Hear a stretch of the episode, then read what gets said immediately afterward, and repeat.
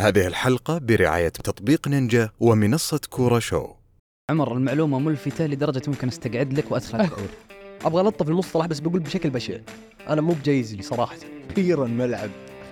أخيرا صعوبة المشجع إنه يشتري تذكرة. يا أخي ترى ترى شيء تافه. جزئية صوت يا ناس. يعني صوت مسلي في سرد أحداث المباراة والتعليق عليها. لعبنا أسوأ مباراة تلعب في تاريخ كرة القدم. مو مو تتوقع بلنتي هدف ولا لا؟ لا مين تتوقع يشوت؟ والذي نفس محمد بيدي أنا استغربت التغريده هذه من النافذ مشاكلهم حلوة. ما بتفلسف الهلال عنده أفضل أسماء في الدفاع. شوف مين يطمن. سوي لي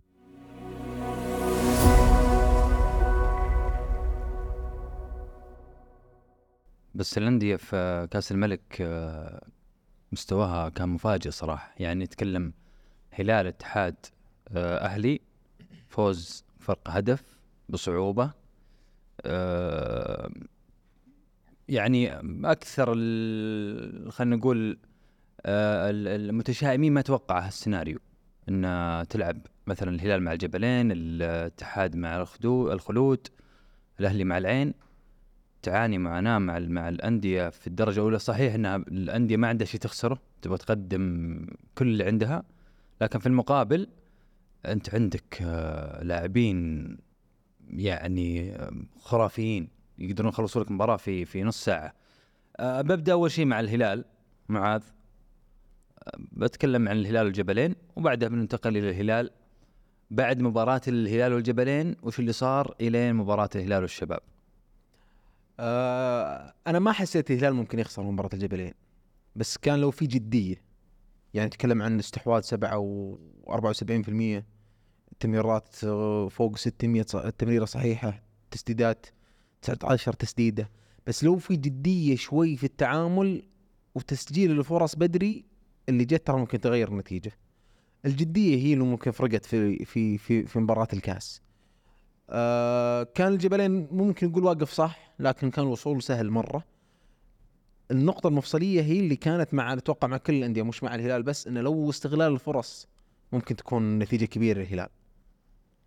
فالجدية هي هي في الأول والأخير. ممكن اللعيبة ما أعطوا اهتمام لل- للخصم أو إنه ما توقع إن الخصم ممكن يكون يمكن ينشف دمك مثل ما يقولوا. لكن لو تعامل الهلال بجدية على طول في بداية المباراة ترى ممكن تنتهي بنتيجة أكبر. بس بس ما تلاحظ معاذ انه كان الأسلوب وال- والطريقة واحدة طول المباراة؟ رش عرضيات رش عرضيات رش عرضيات. حتى الهدف جاك بطريقة ترى يعني كانت آه، أشوت أحسن ما تجي عليه مرتدة من نيفز كانت صح، corner يعني صح. ما وكان واضح إنه متفق عليها إن آه، نيفيز ما مو اللي ينفذ الركنية ينتظر كورة تنزل كتخليص أو لعب مباشر من من منفذ الركنية وشوتها. يعني كان أحد الحلول. لكنه مش كان الحل الأمثل إنك تستمر بالعرضيات. يعني العرضيات أسلوب سيء قاعد ينتهجه خسس في في وجود أظهرة ما تساعد على هالشيء. ولاحظناها في مباراة الشباب. نفس الشيء. مباراة الشباب آه، شوط سيء الشوط الأول. يعني مع كل ال- الحب لوسط ال- الشباب لكن وسط أقل جودة. باستثناء ممكن نقول بنيقة شوي. قدر يستحوذ في الشوط الأول وقدر يهدي الرتم وقدر يتحكم بالمباراة وقاعد وقاعد يلعب لعب آه، آه، بسيط. فهذا أنا أشوف أنه فشل كبير في الشوط الأول. الشوط الثاني كان الهلال أفضل لكنه ما وصل لمرحلة إقناع وإمتاع بالمنتظر على ظل وجود الأسماء هذه، أنا ما زلت غير مقتنع لا بالمستوى ولا بالمتعة المنتظرة، أنا عندي أسماء جبارة جدا. ممكن تكون أفضل الأسماء الأجنبية موجودة في الدوري. مع ذلك قاعد أشوف المستوى وغير ممتع وقاعد تستمر بالعرضيات وقاعد تستمر بال- باللعب باللعب على على الأطراف والأظهرة. آه مو ابدا هذا مش مستوى ياسر ولا مستوى سعود. والدك ممكن تربي أو نقول مو بتربي ممكن نقول ترجع المستوى. تربي كرويين ترى. تربي كرويين. الهدف في النهاية إحنا عارفين. آه، يعني أنت من اللعب مفتوح ما أكلمك عن الركنيات 11 عرضيه في مباراة الشباب. 11 عرضيه في مباراة الشباب. اثنين منها صحيحة ومش من الأظهرة من نيفيز ما أكلمك عن كرات ثابتة اللي الركنيات وفاولات أكلمك عن العرضيات فهذا يخليك تغير أه، تغير طريقتك. مو ضروري تستمر على الأطراف والأظهرة. عندك أسماء تساعدك أنك تلعب من العمق. الهدف الثاني للهلال ميشيل نيمار نيمار مترو وكانت كلها كورة على على الأرض وكانت كلها فيها من, من العمق. لما ميشيل لعبها النيمار نيمار اخترق ول- ولعبها ال- ال- المتروفيتش. هذه كلها تساعدك إنك ممكن تكون تغير نهجك. مش ضروري إنك تستمر في العرضيات والأطراف ولا راح تبدل ال- الأظهرة أو تخليهم في الدكة ومع ذلك مستمر. معليش ياسر وسعود.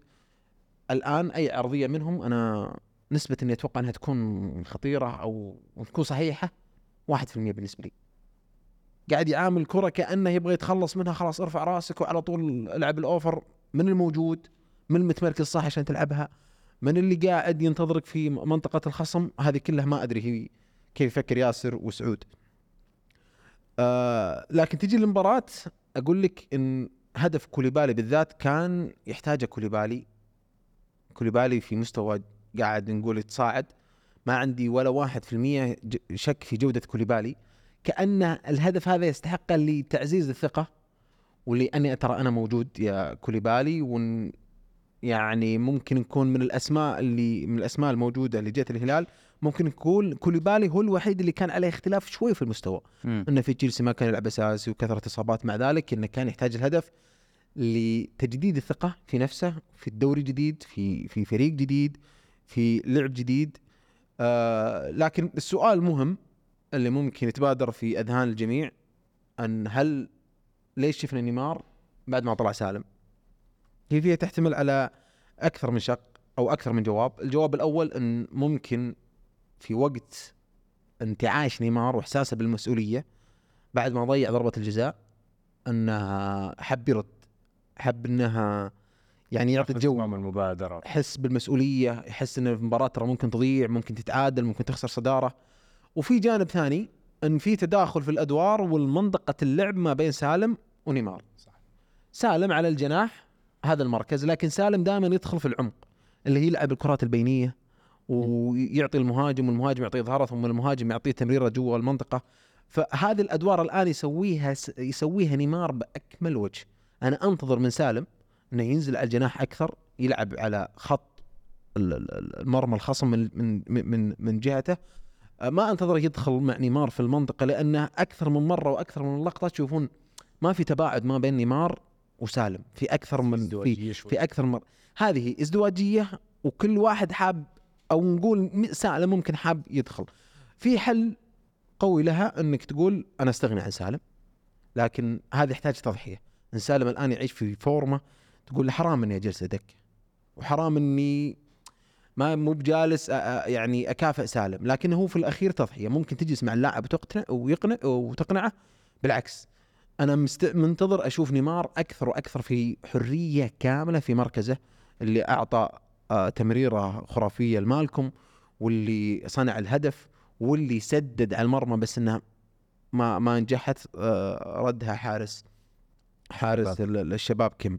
بس ما تتوقع معليش ما أبغى أقطع أفكارك بس الهلال وصل أكثر من ثلاث إلى خمس مرات بنفس الطريقة إلى قبل إلى قبل آه 18 شباب بأربع إلى خمس لاعبين.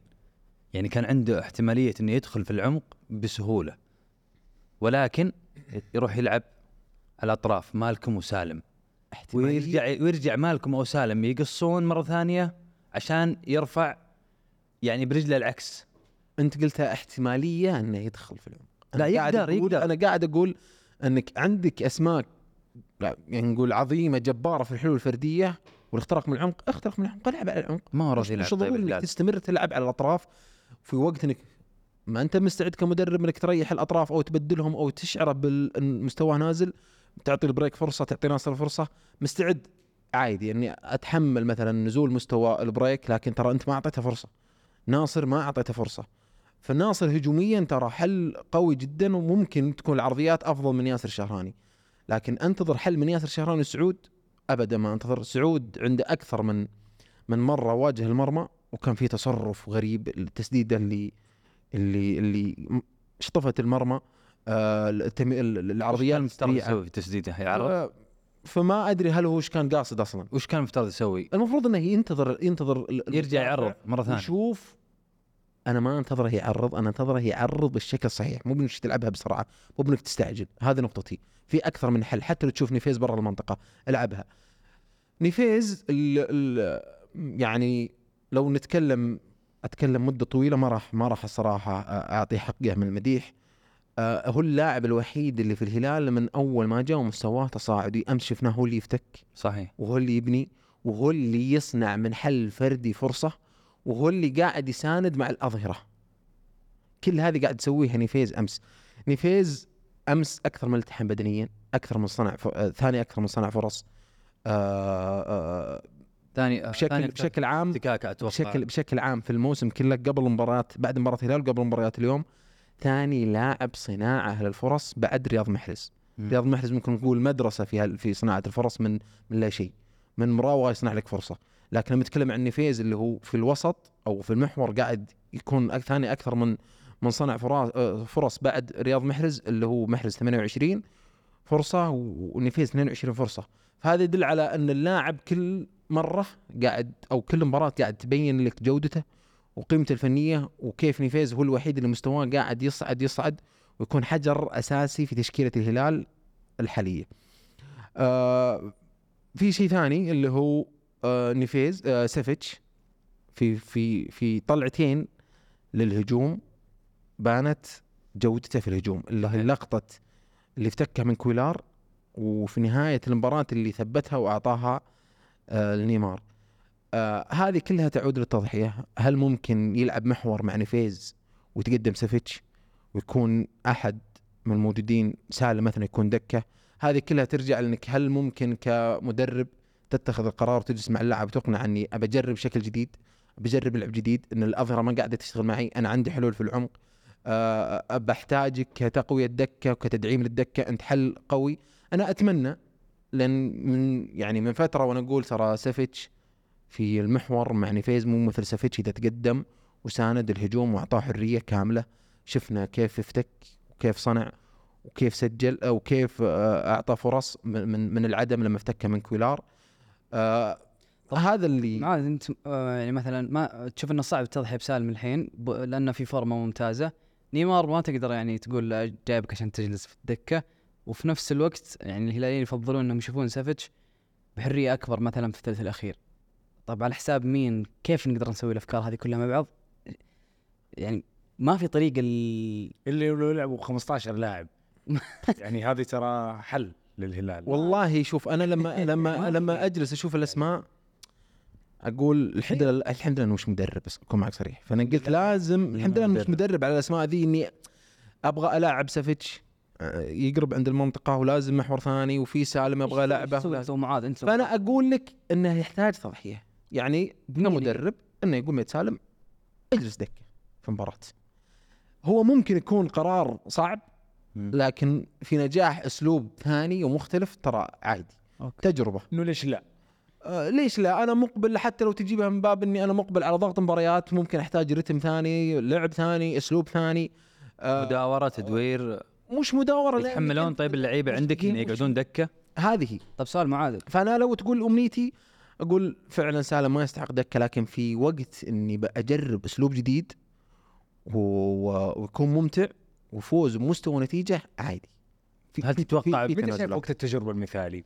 طب. الهلال لعب بدون سالم في آسيا كيف شفت الفريق بدون سالم الهلال لعب بدون سالم في المباراة الآسيوية اللي كانت في الرياض بس كان الفريق كله مش مش مش مش مش, مش كويس مع بدون كانت أول مباراة نيمار ما أبغى ارجع أو- ورا، أول- بس لا. أبغى- لا بس أول- إيش آسيا هو استمر ترى على نفس. الطريقة حتى أنا- أنا بدون سالم استمر بنفس الطريقة ما غير في شكل هذا الأربع ثلاث ثلاث أيوة، أجر لو في وقت للتجربة متى يكون؟ في, الآن. ال- في اللي جاي إيه، ولا خلاص في, في اللي جاي قبل لا تدخل تجيك الأسماء الثقيلة يعني ترى الهلال الآن بيلعب مع آه، في اسيا ثم بيلعب مع الأخدود ثم مع الخليج بعدها تدخل في في موضوع إنك تلعب مع الأهلي ثم فترة كذا بسيطة الحزم ثم الفتح؟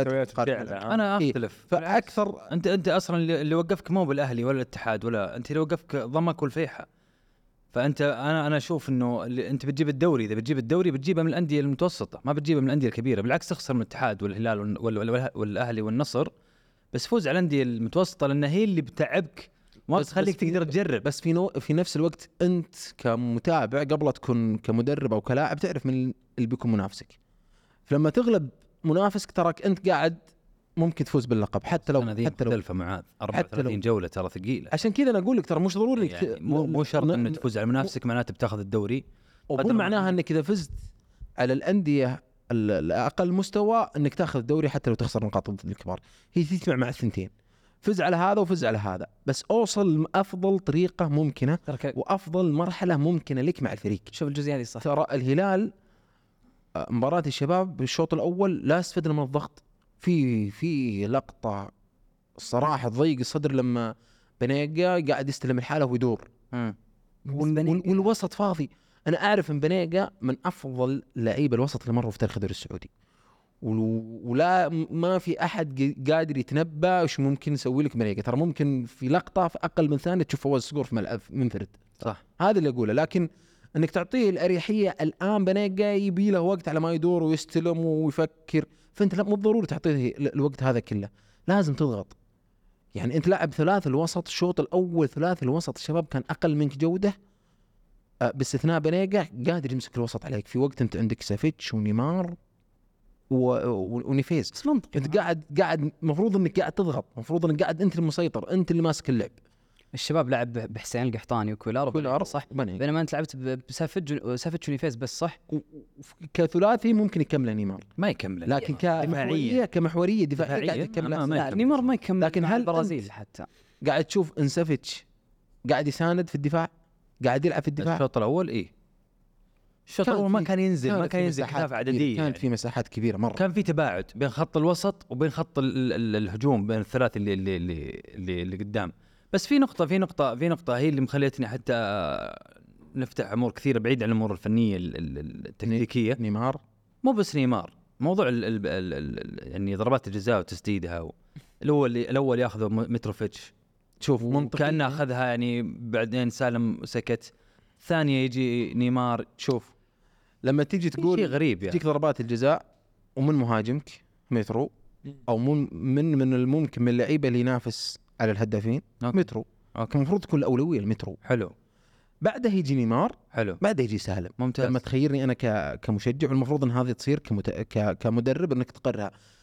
مو يعني إذا جاء بلنتي الجمهور قاعد ينتظر الشاشة أو في الملعب قاعد ينتظر من بياخذ الكورة. ممتاز. فجأة سالم ثم فجأة يعطيها مترو ثم من بعدها نيمار. تحليلك اللي صار. آم ما ما, ما شاف. في قرار. مترو ما ما, شاف ما في قرار. مشكلة ما شاد يعني أنا تو- تحليلي اللي صار إن ما في قرار المدرب ما حدد كأنه قاعد يقول هذا مكافأة عط نيمار كي يدخل في رتم ال- المباريات والتسجيل. لا. عط عط مترو. المفروض قبله بخمس دقائق مترو كان ماسك الكورة. إنك تعطيها مترو هذا قرار واحد. هو مهاجمك هو هدافك الممكن ينافس على الهدافين وهو أهم لاعب يكون في الفورمة لأنك تجيك مباراه معقدة تحتاج مترو. معاذ ما تشوف طيب إن الفكر الأجمل والأفضل إنه يكون أفضل منفذ هو اللي يسدد؟ مش كابتن مش المهاجم مش الهداف. أفضل منفذ في الفريق هو اللي يشوت. مين أفضل منفذ في الفريق؟ نيمار. نيمار من أفضل. المنفذين في العالم يعني أفضل في لكن- العالم مع كريستيانو. لكن هل ممكن كين هل ممكن إن نيمار؟ ترى حتى مترو تنفيذه م- مش طبيعي. بس ضيع كثير العام حتى أنا أذكر العام في ال Premier League ضيع. لو لو على كذا ترى نيمار ضيع في حتى الظاهر في بس كنسبه كنسبه كنسبة ك- كمعدل نجاح في تنفيذ ركلات الجزاء. نيفيز هو ال top. ما أتوقع ما ضيع ولا حتى نيفيز لكن لما. لما نرجح كفه من مهاجمك ومن الممكن ينافس على مشاكلهم حلوة. لا والله صارت عندنا مشاكل والله كثير. صارت صارت والله. عندنا مشاكل كثير والله. بس من انت الممكن ينافس انت انت انت, انت ياسر؟ مترو مترو هو already في المفروض انك انه إنه يعطى. فأنت تشوف ان مترو قرار من المدرب مو قرار من الكابتن. هذه أنا أتمنى انه يكون يعني اللي قاعد القرار- يصير في الملعب وقاعدين نشوفه أن كلهم يروحون لسالم سالم يعطي الكورة. أتمنى مرة القرار مترو يكون- مرة نيمار. طب خلاص طالما س- كذا سلم الكابتنية معاه يا سالم. يعني حتى يا؟ رجال نقول ليش كابتن؟ فاهم الفكرة؟ جبل أنت. أقسم بالله نقول نتوقع من نتوقع يشوت من نتوقع يشوت من نتوقع يشوت. لأن ما في أحد ثابت. فلازم انت كتحدي يعني مو من آه، مو مو تتوقع بلنتي هدف ولا لا؟ لا مين تتوقع يشوت؟ آه لو جاء تنازل المفروض يكون من المنفذ الأول أو الثاني أو الثالث. حلوين؟ يعني مثلا مترو في مباراة نقول سجل هاتريك جاب بلنتي يتنازل عن المنفذ الثاني إنه يسجل عادي.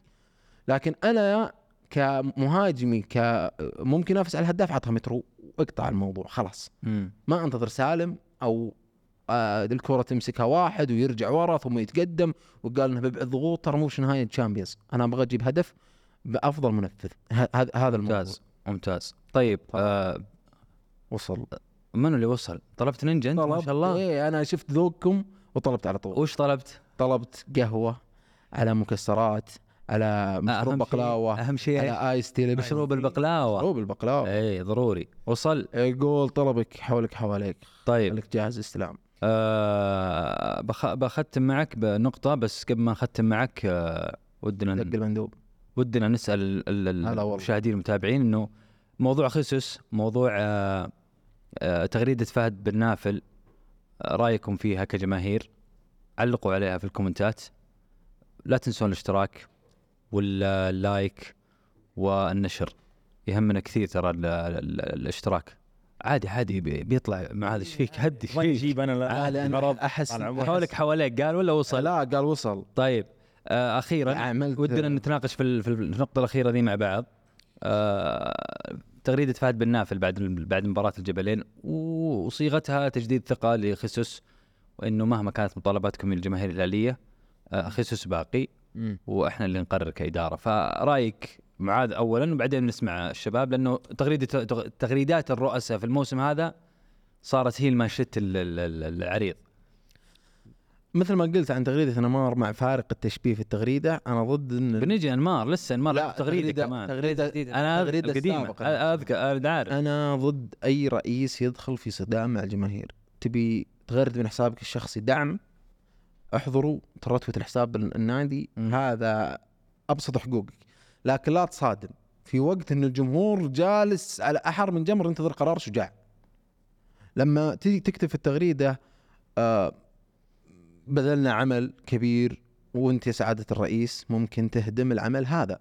وقراراتك اللي ما جالس آه اللي اللي جالس آه تتأخر فيها. نقول إنك تتأخر فيها. الجمهور قاعد يحتري قرار شجاع بخصوص خيسوس. ثم في التغريدة نفسها كأنك قاعد تدافع عن خيسوس. صحيح. هذا صدام مع الجماهير. ثم بعدها تقول إن الفريق ممكن ما انسجم. تراك أنت لعبت يمكن 14 مباراة. مش معقول إني بقى 14 مباراة؟ ما ولا مباراة كان فيها مستوى إلا ممكن مباراة الاتحاد في البطولة العربية. ومباراة الاتحاد في الشوط الثاني. الرياض. أو ممكن الرياض. يلا. الرياض نتيجة كبيرة و... لكن هل إني بجلس أنتظر مباراة الاخسر المباراة الجاية؟ والله ما بعد وصلنا. هذا مو بعد بعدها تقول في ظروف كانت في النادي. الجمهور إذا تدخل في هالظروف زعلت. وإذا تدخل في في موضوع الإقالة والهاشتاجات زعلت. في نفس الوقت قاعد تقول ترى في ظروف وما ظروف. أنا كمشجع ما علي من ظروف داخل النادي ما علي من أي كيف. يزعل يعني؟ أنا أبغى أبغى أفهم. كيف؟ كيف إذا تدخل في زعل؟ كيف زعل؟ خليني أشرح لك. هو الآن جالس يقول في ظروف في النادي وفي أو- أ- أ- أشياء ما يدري عنها الجمهور. لكن إذا الجمهور انتشر فيه خبر وش الظروف هذه سواء مشاكل ما- بين لعيبة نعم. سواء المدرب ما في اقتناع من اللعيبه أو شيء آه، طلع وغرد. فأنت المفروض إنك ما تبين في ظروف عشان ما تفتح مجال أكبر للمشاكل اللي قاعدة تصير في الجمهور وانه مطالباته باقاله المدرب. آه فحتى إنه قال مقتنع بالنافع حتى في حتى في جملة قالها إنها آه ترى مقتنع في فهد بن نافل كرئيس نادي الهلال؟ نعم لكن هو مشكلته هو حاجة واحدة أنه يتأخر في قراراته. بس. قراراته. ترى بس الموسم مقتنع في يعني فترة- مالي مالي مالي المكان بالنسبة. ما للمكان أوكي. لكن هو إشكاليته الوحيدة في تأخره في القرارات. ترى في فترة من الفترات تأخر في إقالة رازفان. وخسرنا كاس. أعتقد خسرنا كاس. وفي مرة تأخر في إقالة جاردم الين بغينا نخسر الدوري. فممكن النقطه السلبية في موضوع اختيار آه القرار وتوقيت القرار إنه يحتاج قرار شجاع. والآن حيتأخر أكثر. آه في إذا- في إذا- تغريدة إذا طلع قال إذا في تغريدة وتاريخه في القرارات بالنسبة لك كهلال تشوفه بطيء أول الآن ترى حيتأخر أكثر لأن الموضوع الآن ما عاد هو القرار ال- ال- الفردي. شوف آه، حتى في في آه أهم في جزء نقطة جزء قالها أهم جزء في في في, في, في- تغريدته عشان هي اللي نبغى نختم فيها ال- ال- أضلاع الفريق. خليك نظر على الفريق. هذه هذه هذه هي ترى الزبدة أنا أشوفها في بس لا في نقطة مهمة. أضلاع الفريق ثلاثة لاعبين وجهاز فني وجهاز إداري. والقلب جماهيرنا الذين ينبضون روحا في جسد الهلال. والمعول والمعول منا جميعا استشعار المسؤولية ودعم نجومنا بقيادة المدرب خيسوس. ونكون يدا بيد من أجل أن يستمر الهلال اولا. نقطة نهاية السطر. شوف هذيك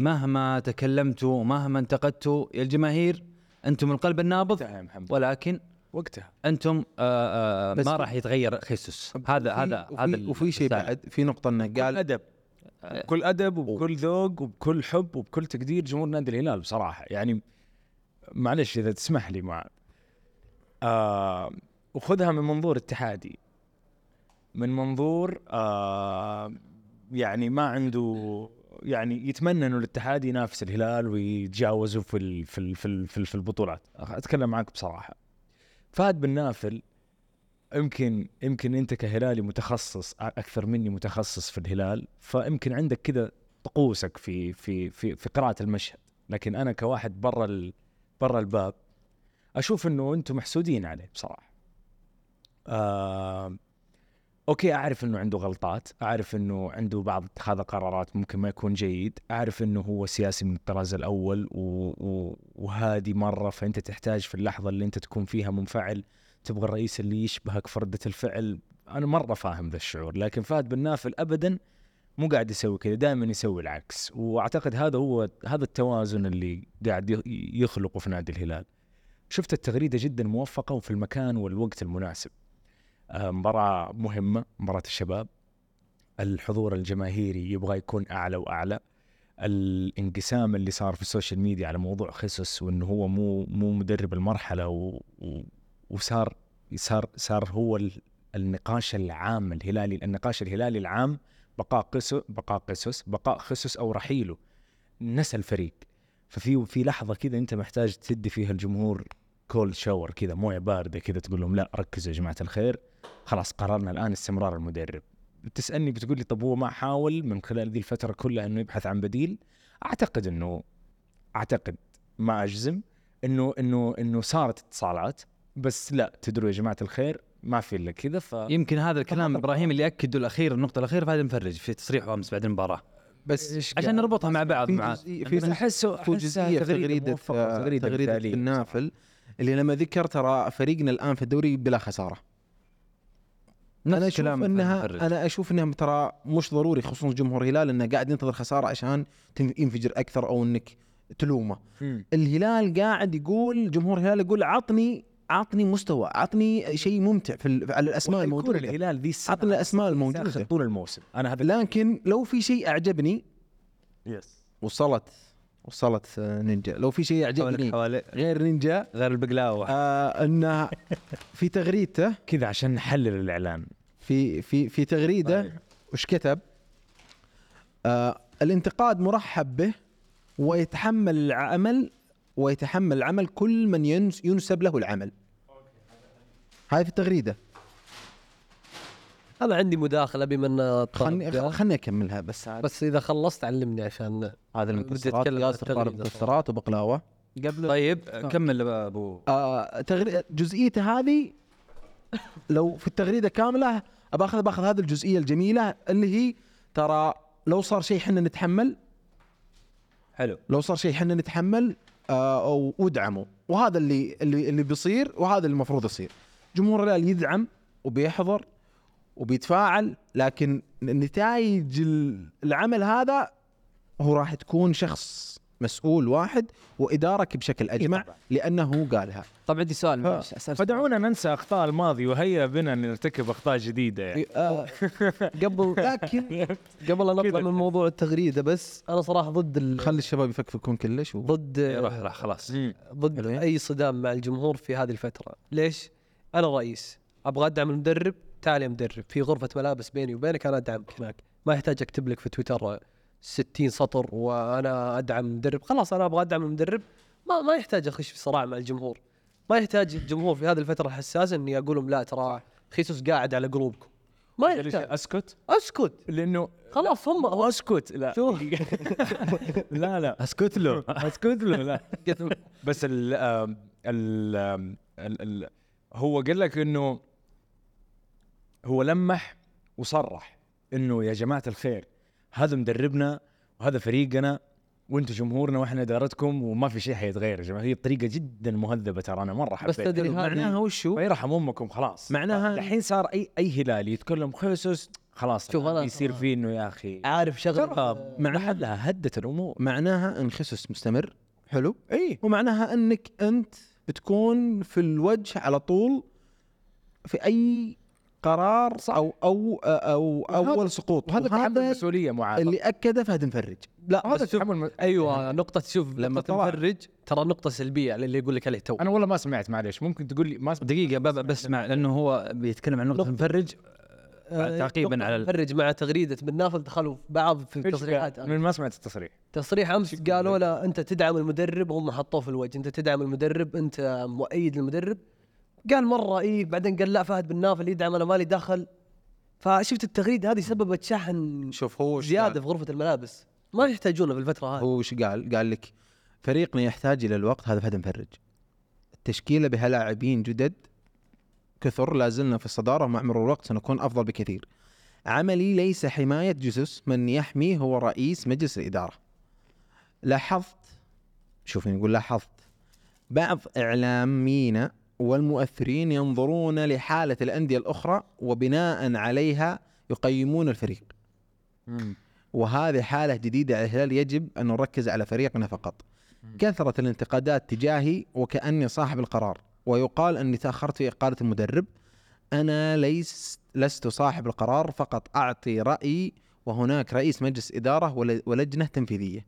لسنا بأزمة فريقنا متصدر لسنا راضين عن مستوى لكننا لا زلنا ثابتين ننتظر دعم جماهيرنا ونحترم كل انتقاداتهم وعندي سؤال حلو مع هو أنا أنا بس سؤال أنا عندي سؤال ترى يا عيال أنا سؤالي- فهد المفرج سؤالي ترى جدا. معجب فيه بس ليش صرح؟ دقيقة إبراهيم بس اسمع السؤال ون... لأن؟ التصريح جاء بعد تعقيبا على على على كلام شفت التغريدة كلام دخلت ال- بن نافل. أشياء كثير. آه، آه، إيش تقول أبو سارة؟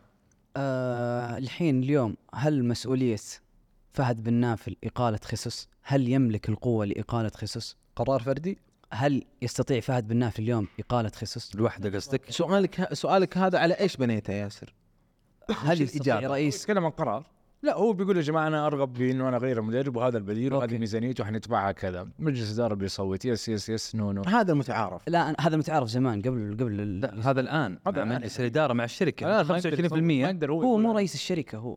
هو رئيس ال ال ال- رئيس الشركة الغير لك بالضبط. هو رئيس الشركة ما يقدر يقرر. أفهم. يعني أنا أتك- أتكلم إنه أوكي خليني خصوص مش خصوص هل يتحمل فهد بن نافل عدم نجاح خصوص أو إن لو خصوص كمل في رجل واحد محاسب في الهلال هو فهد بن نافل. ما أدري أنا ما أشوفها زي كذا. أنا أنا أعتقد لو مجلس الإدارة بالإجماع اتفق على إقالة خصوص فهد بن نافل يعني هو صاحب صوت واحد في الأخير. اي بس من اللي مصدر المشهد؟ طيب ليش أنت طلعت في المشهد؟ اي بالضبط. إنك يوم يوم من اللي متصدر المشهد كله؟ يوم غردت بجملة أن نجاح العمل أو فشله يتحمله كل من ينسب لهم العمل، من اللي ينسب له العمل في مجلس الإدارة بالكامل خلاص.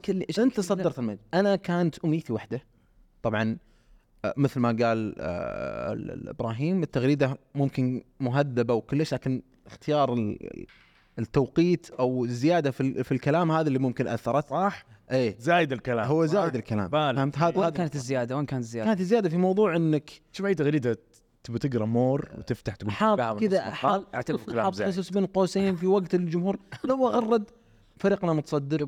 ولا رضينا على المستوى وفي معالجة أخطائنا ومعالجة المستوى ووصول إلى أعلى مستوى وننتظر حضوركم ودعمكم. طيب هذه أفضل من انك آه، تدخل في مو معروف. لكن لما تيجي فهد مفرج هل فهد مفرج يوصل لمرحلة أنه تعب من موضوع الهجوم أنك أنت المسؤول وطلع يقول ترى المسؤول عنه رئيس مجلس الإدارة و... وليش الأعذار قاعدة تتكرر أن فريقنا فيه لعيبة جدد ونحتاج وقت ترى 14 مباراة مش بسيطة إبراهيم. 14 مباراة تعرف وين الخلل الرئيسي في العناصر مش في التشكيلة بعد. شوف يعني قرار أنا- استمرار خصوص أصاب كثير من جماهير الهلال في مقت إيش قصدك أنت؟ ما قصدي إنه مستمر خسس إنه خسس مستمر. أنا أقول لك شيء إذا صار وأنا المستوى- المستوى قاعد اكل مكسرات. إذا صار المستوى يعني تصاعدي كذا أحس بيكون أفضل وبيحصل أفضل طريقة ممكنة. يا رب إنه يستمر بدون مشاكل. لكن لكن 50 50 لكن معليش إبراهيم هل إحنا ما نفهم؟ أو لا، أو لا. أو لا لا. يعني كلامك عن الرأي الكبير أو الرأي المنتشر. هل الجمهور مش قاعد يفهم؟ أو إن في شيء غير مفهوم؟ أو في شيء مفروض إنه يكون واضح لما بعد مباراة خسس مع اللعيبة الجمهور ال- ال- في غرفة الملابس. أولي أولي أولي مستر مستر يقعدون يغنون في نفس واضح إن في عدم رضا ما أدري أنت كيف تربطها معاذ أنا عندي ثلاث أشياء عجزت أربطها. واحد. تغريدة الرئيس تصريحات فهد الفرج المقطع مع خسس. هل في شيء إحنا ما ندري عنه؟ إيه، أول واحد إيه. تغريدة بن نافل. حلو. وكلام فهد المفرج والمقطع اللي انتشر حساب النادي منزلها اللي هو الخصوص داخل غرفة تبديلات وكل جم... غرفة ملابس وكل اللعيبه واقفين هذه بعد الشباب؟ بعد الشباب. إيه انشر مقطع كل الج- حتى متروفيتش اللي ما بقى كلمة ما قالها وقت التبديل وصل جد خصوص السابع طالع معهم يصفق و... حلو طيب هل في شيء اللي ما نفهمه؟ أنا مبسوط هذه زياده في- زياده زيادة كذا. على قولهم تطمين أو خلق صورة إي بس إنه الفريق كويس وفي نفس الوقت-. في نفس الوقت فخلاص أدعموا الفريق في نفس الوقت لما تيجي تقول إن ممكن إدارة الهلال أو شيء قالت ترى عند في ضغط في شيء بينوا للعيبه إنكم ما الأمور طيبة بس ما أتوقع لأن اللعيبة هذول لعيبة محترفين يعني معليش طيب شو المشكلة؟ يطلع يتكلم يعني يطلع مدرب يقول- لما يدخل غرفة ملابس ترى هو داخل غرفته معاذ؟ ترى خصص يمكن عنده اوفيس كيف كذا مكتب تربطها خاص معاه؟ كيف. تربطها الثلاث هذه؟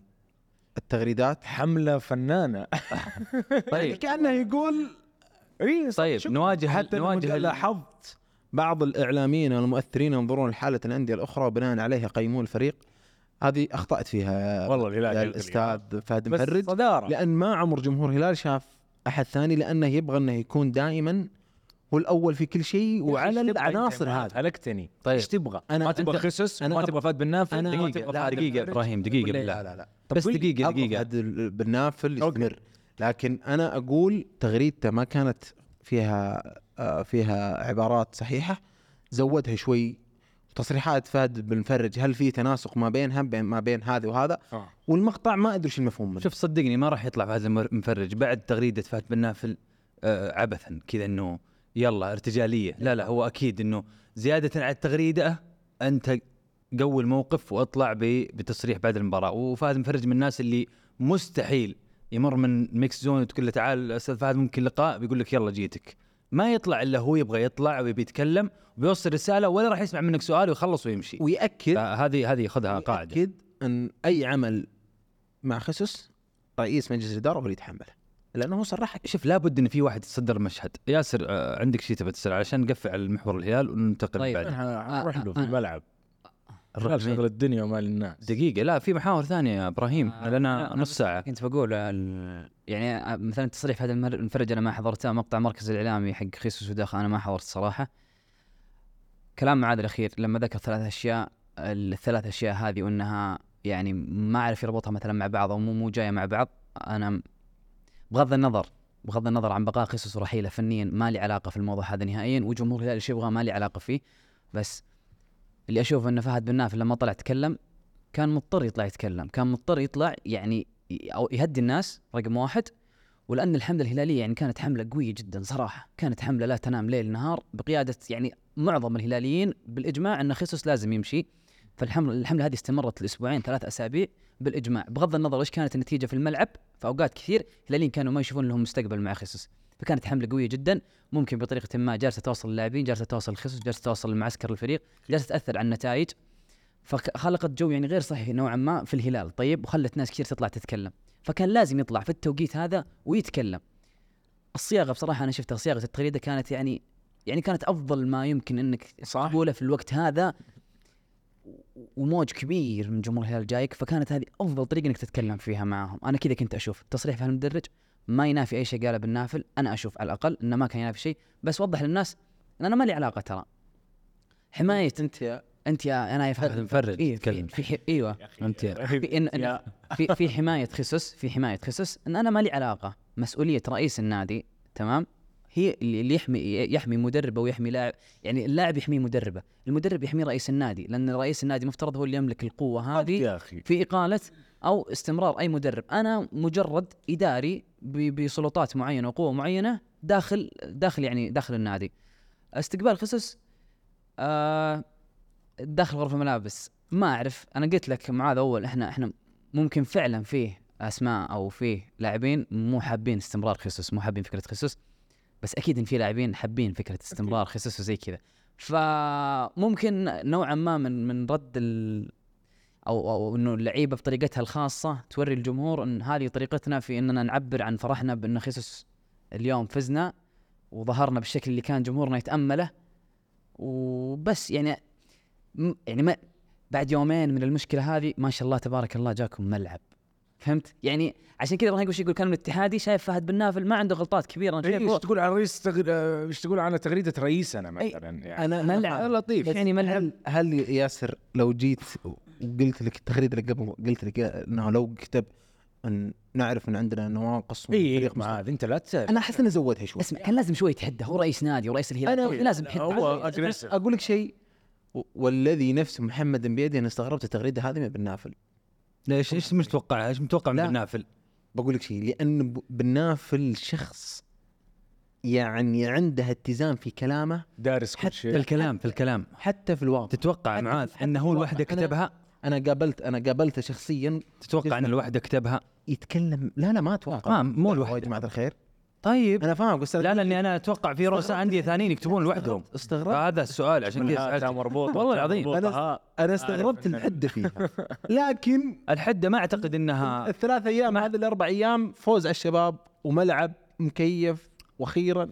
هذه بحد طيب بنجي بنجي بنجي للملعب وبنجي للتكييف والأمور هذه. ظلنا في الهلال يستاهل الهلال. يستاهل والطيبة. وموضوع صراحة على سفيح على سفيح على صفيح ساخن. لا مزكم. آه واضح إنه مزكب. آه عمر طالع من الشر أول شيء. آه شيء ثاني نتكلم عن آه نفس الشيء الاتحاد آه النصر عفوا وأحد. خمسة واحد يعني الفريق الوحيد من الأندية الأربعة اللي فاز وجمهوره يعني نوعا ما في الشوط الأول كان شايل هم بس الشوط الثاني رجع رجل يتفرج في الأهداف واحد ورا الثاني لين انتهت المباراة خمسة واحد. في جدة مع حضور غير يعني خلينا نقول ما هو ما هو الحضور اللي متوقع من جماهير النصر في جدة. وناس كثير قالوا إنه كريستيانو غاب غابت الجماهير. طيب خلينا هي شيء هي شيء ممكن متوقعة. خلينا نبدأ في كريستيانو غاب غابة الجماهير. آه، حضور نادي النصر كان 5000 مع ذلك كان هو أعلى حضور بين الأندية. بين الأندية اللي وين لعبت وين؟ في الملك. في كأس الملك إيه، في في دور 32 من من من الأربعة الكبار إيه. تتكلم. الأهلي والاتحاد والهلال النصر هو الأعلى 5000 اللي لعبوا برا. يعني الاتحاد لعب في آه مع الخلود في الرس ال- الهلال لعب مع الجبلين في حايل الأهلي لعب مع العين في الباحة. يعني النصر هو الوحيد اللي تقريبا يعتبر لعب في مدينة رئيسية زي جدة اللي له جماهيرية طاغية فيها. ومع ذلك 5000 عبد الله الفيصل تحسها لا. مقنعة تكون ما هي مقنعة بس إنه زي ما قلت لك إذا غابت شعبية كريستيانو و5000 وأنا أعلى حضور إيش إيش نقول عن باقي؟ بس قارنها نسبة وتناسب عمر. أنت يعني اليوم أنت حتى قارن بالبر برر لي معليش. يا أخي المفروض إنه الصوت هذا لما يكون موجود وإنه أشوف ال 5000 عادي فمعناته إحنا ما إحنا قاعدين ننظر للأمور من زاوية تجارية. أنت من أنت زاوية شعبية صراحة يعني. زعلان على ال 5000 أنا ما ما فهمت. لا مو زعلان على 5000 إنه اي ما حضرنا يا أخي و... اي هو عادي- الحضور عادي يعني. الحضور طبيعي. ما هو باللي إحنا متاملينه أصلا. يعني 5000 ليش؟ قليل. آه، قليل. آه. أيوه 5000 قليل. 15 هذا اللي هو الطبيعي. اي بس أنا ما اشيل 25 النصر بالضبط أنا ماني معاك في نقطة إنه تقول أنا أفضل من ال من من آه، من, من الثلاثة آه، اللي لعبوا غيري. مع مع مع إنك تحط في الحسبان الثلاثة غيرك لعبوا في مدن خارجية. يعني لعبوا في مدن تعتبر نائية. يعني مقارنة بالرياض وطا رياض وجدة وشرقية لعبوا في حايل والباحة و... والرس. ففي الن- في النهاية المناطق اللي لعبوا فيها ما لو ما حضر الجمهور في النهاية ما أعتقد إنه يلام زي إذا إذا كان في جدة. والعين حاطين التذكرة ب 200 والعين حاطين هو شوف؟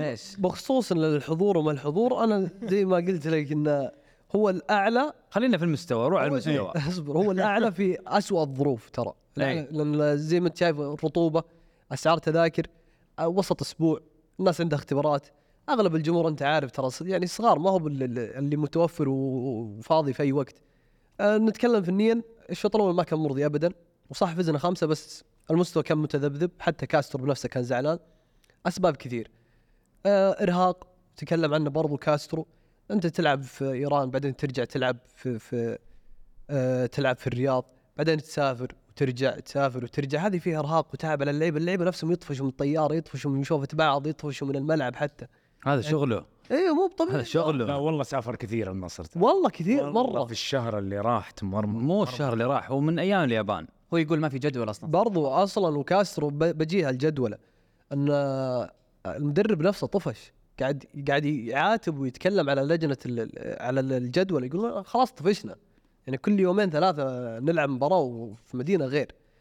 آه الشوط الأول كنت أطمح نطلع اثنين ثلاثة لأن أصلا ضيعنا فرص كثير بالجملة.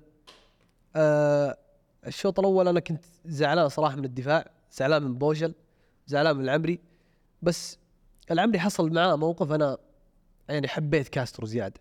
ز- زود الحب حبيته زيادة. مم. إنه معطيه الكابتن ويعني يزرع الثقة فيه من جديد. العمري أنت عارف كان بيطلع خلاص. صحيح. أي هو طلب بنفسه إنه يطلع المدرب قال له أنا أبغاه. خلوه عندي جددوا له بأي طريقة. أنا أعطيك كابتن أنت تلعب أنت أنت يعني بتمسك أساسي عندي إذا أنت. بتستمر ب... بالتألق إن شاء الله. ما قدم مستوى كويس لكن يعني عبد الله العمري أنا لا زلت أثق فيه. إمكانيات هو أنت عارف إمكانيات توب آه نقول كبوه جواد لعلها طولت شوي بس نقول كبوه جواد إن شاء الله يراجع مستوى كابت... آه كابتن عبد الله.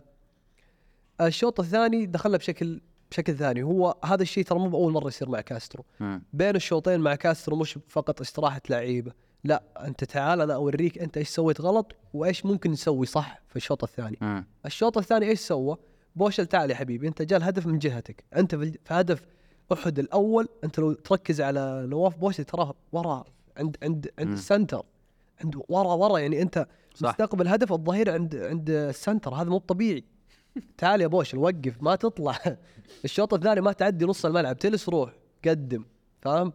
وشفنا هذا الشيء ترجم إلى هدف من صناعة تلس. بعدها لما ت... بدلنا كاسترو يرسل رسالة ان أنا عندي دكة تقدر تسجل أنا عندي لعيبة يبغون. يلعبون لما نزلهم يعني اعطيناهم نتيجة ثقيلة جدا.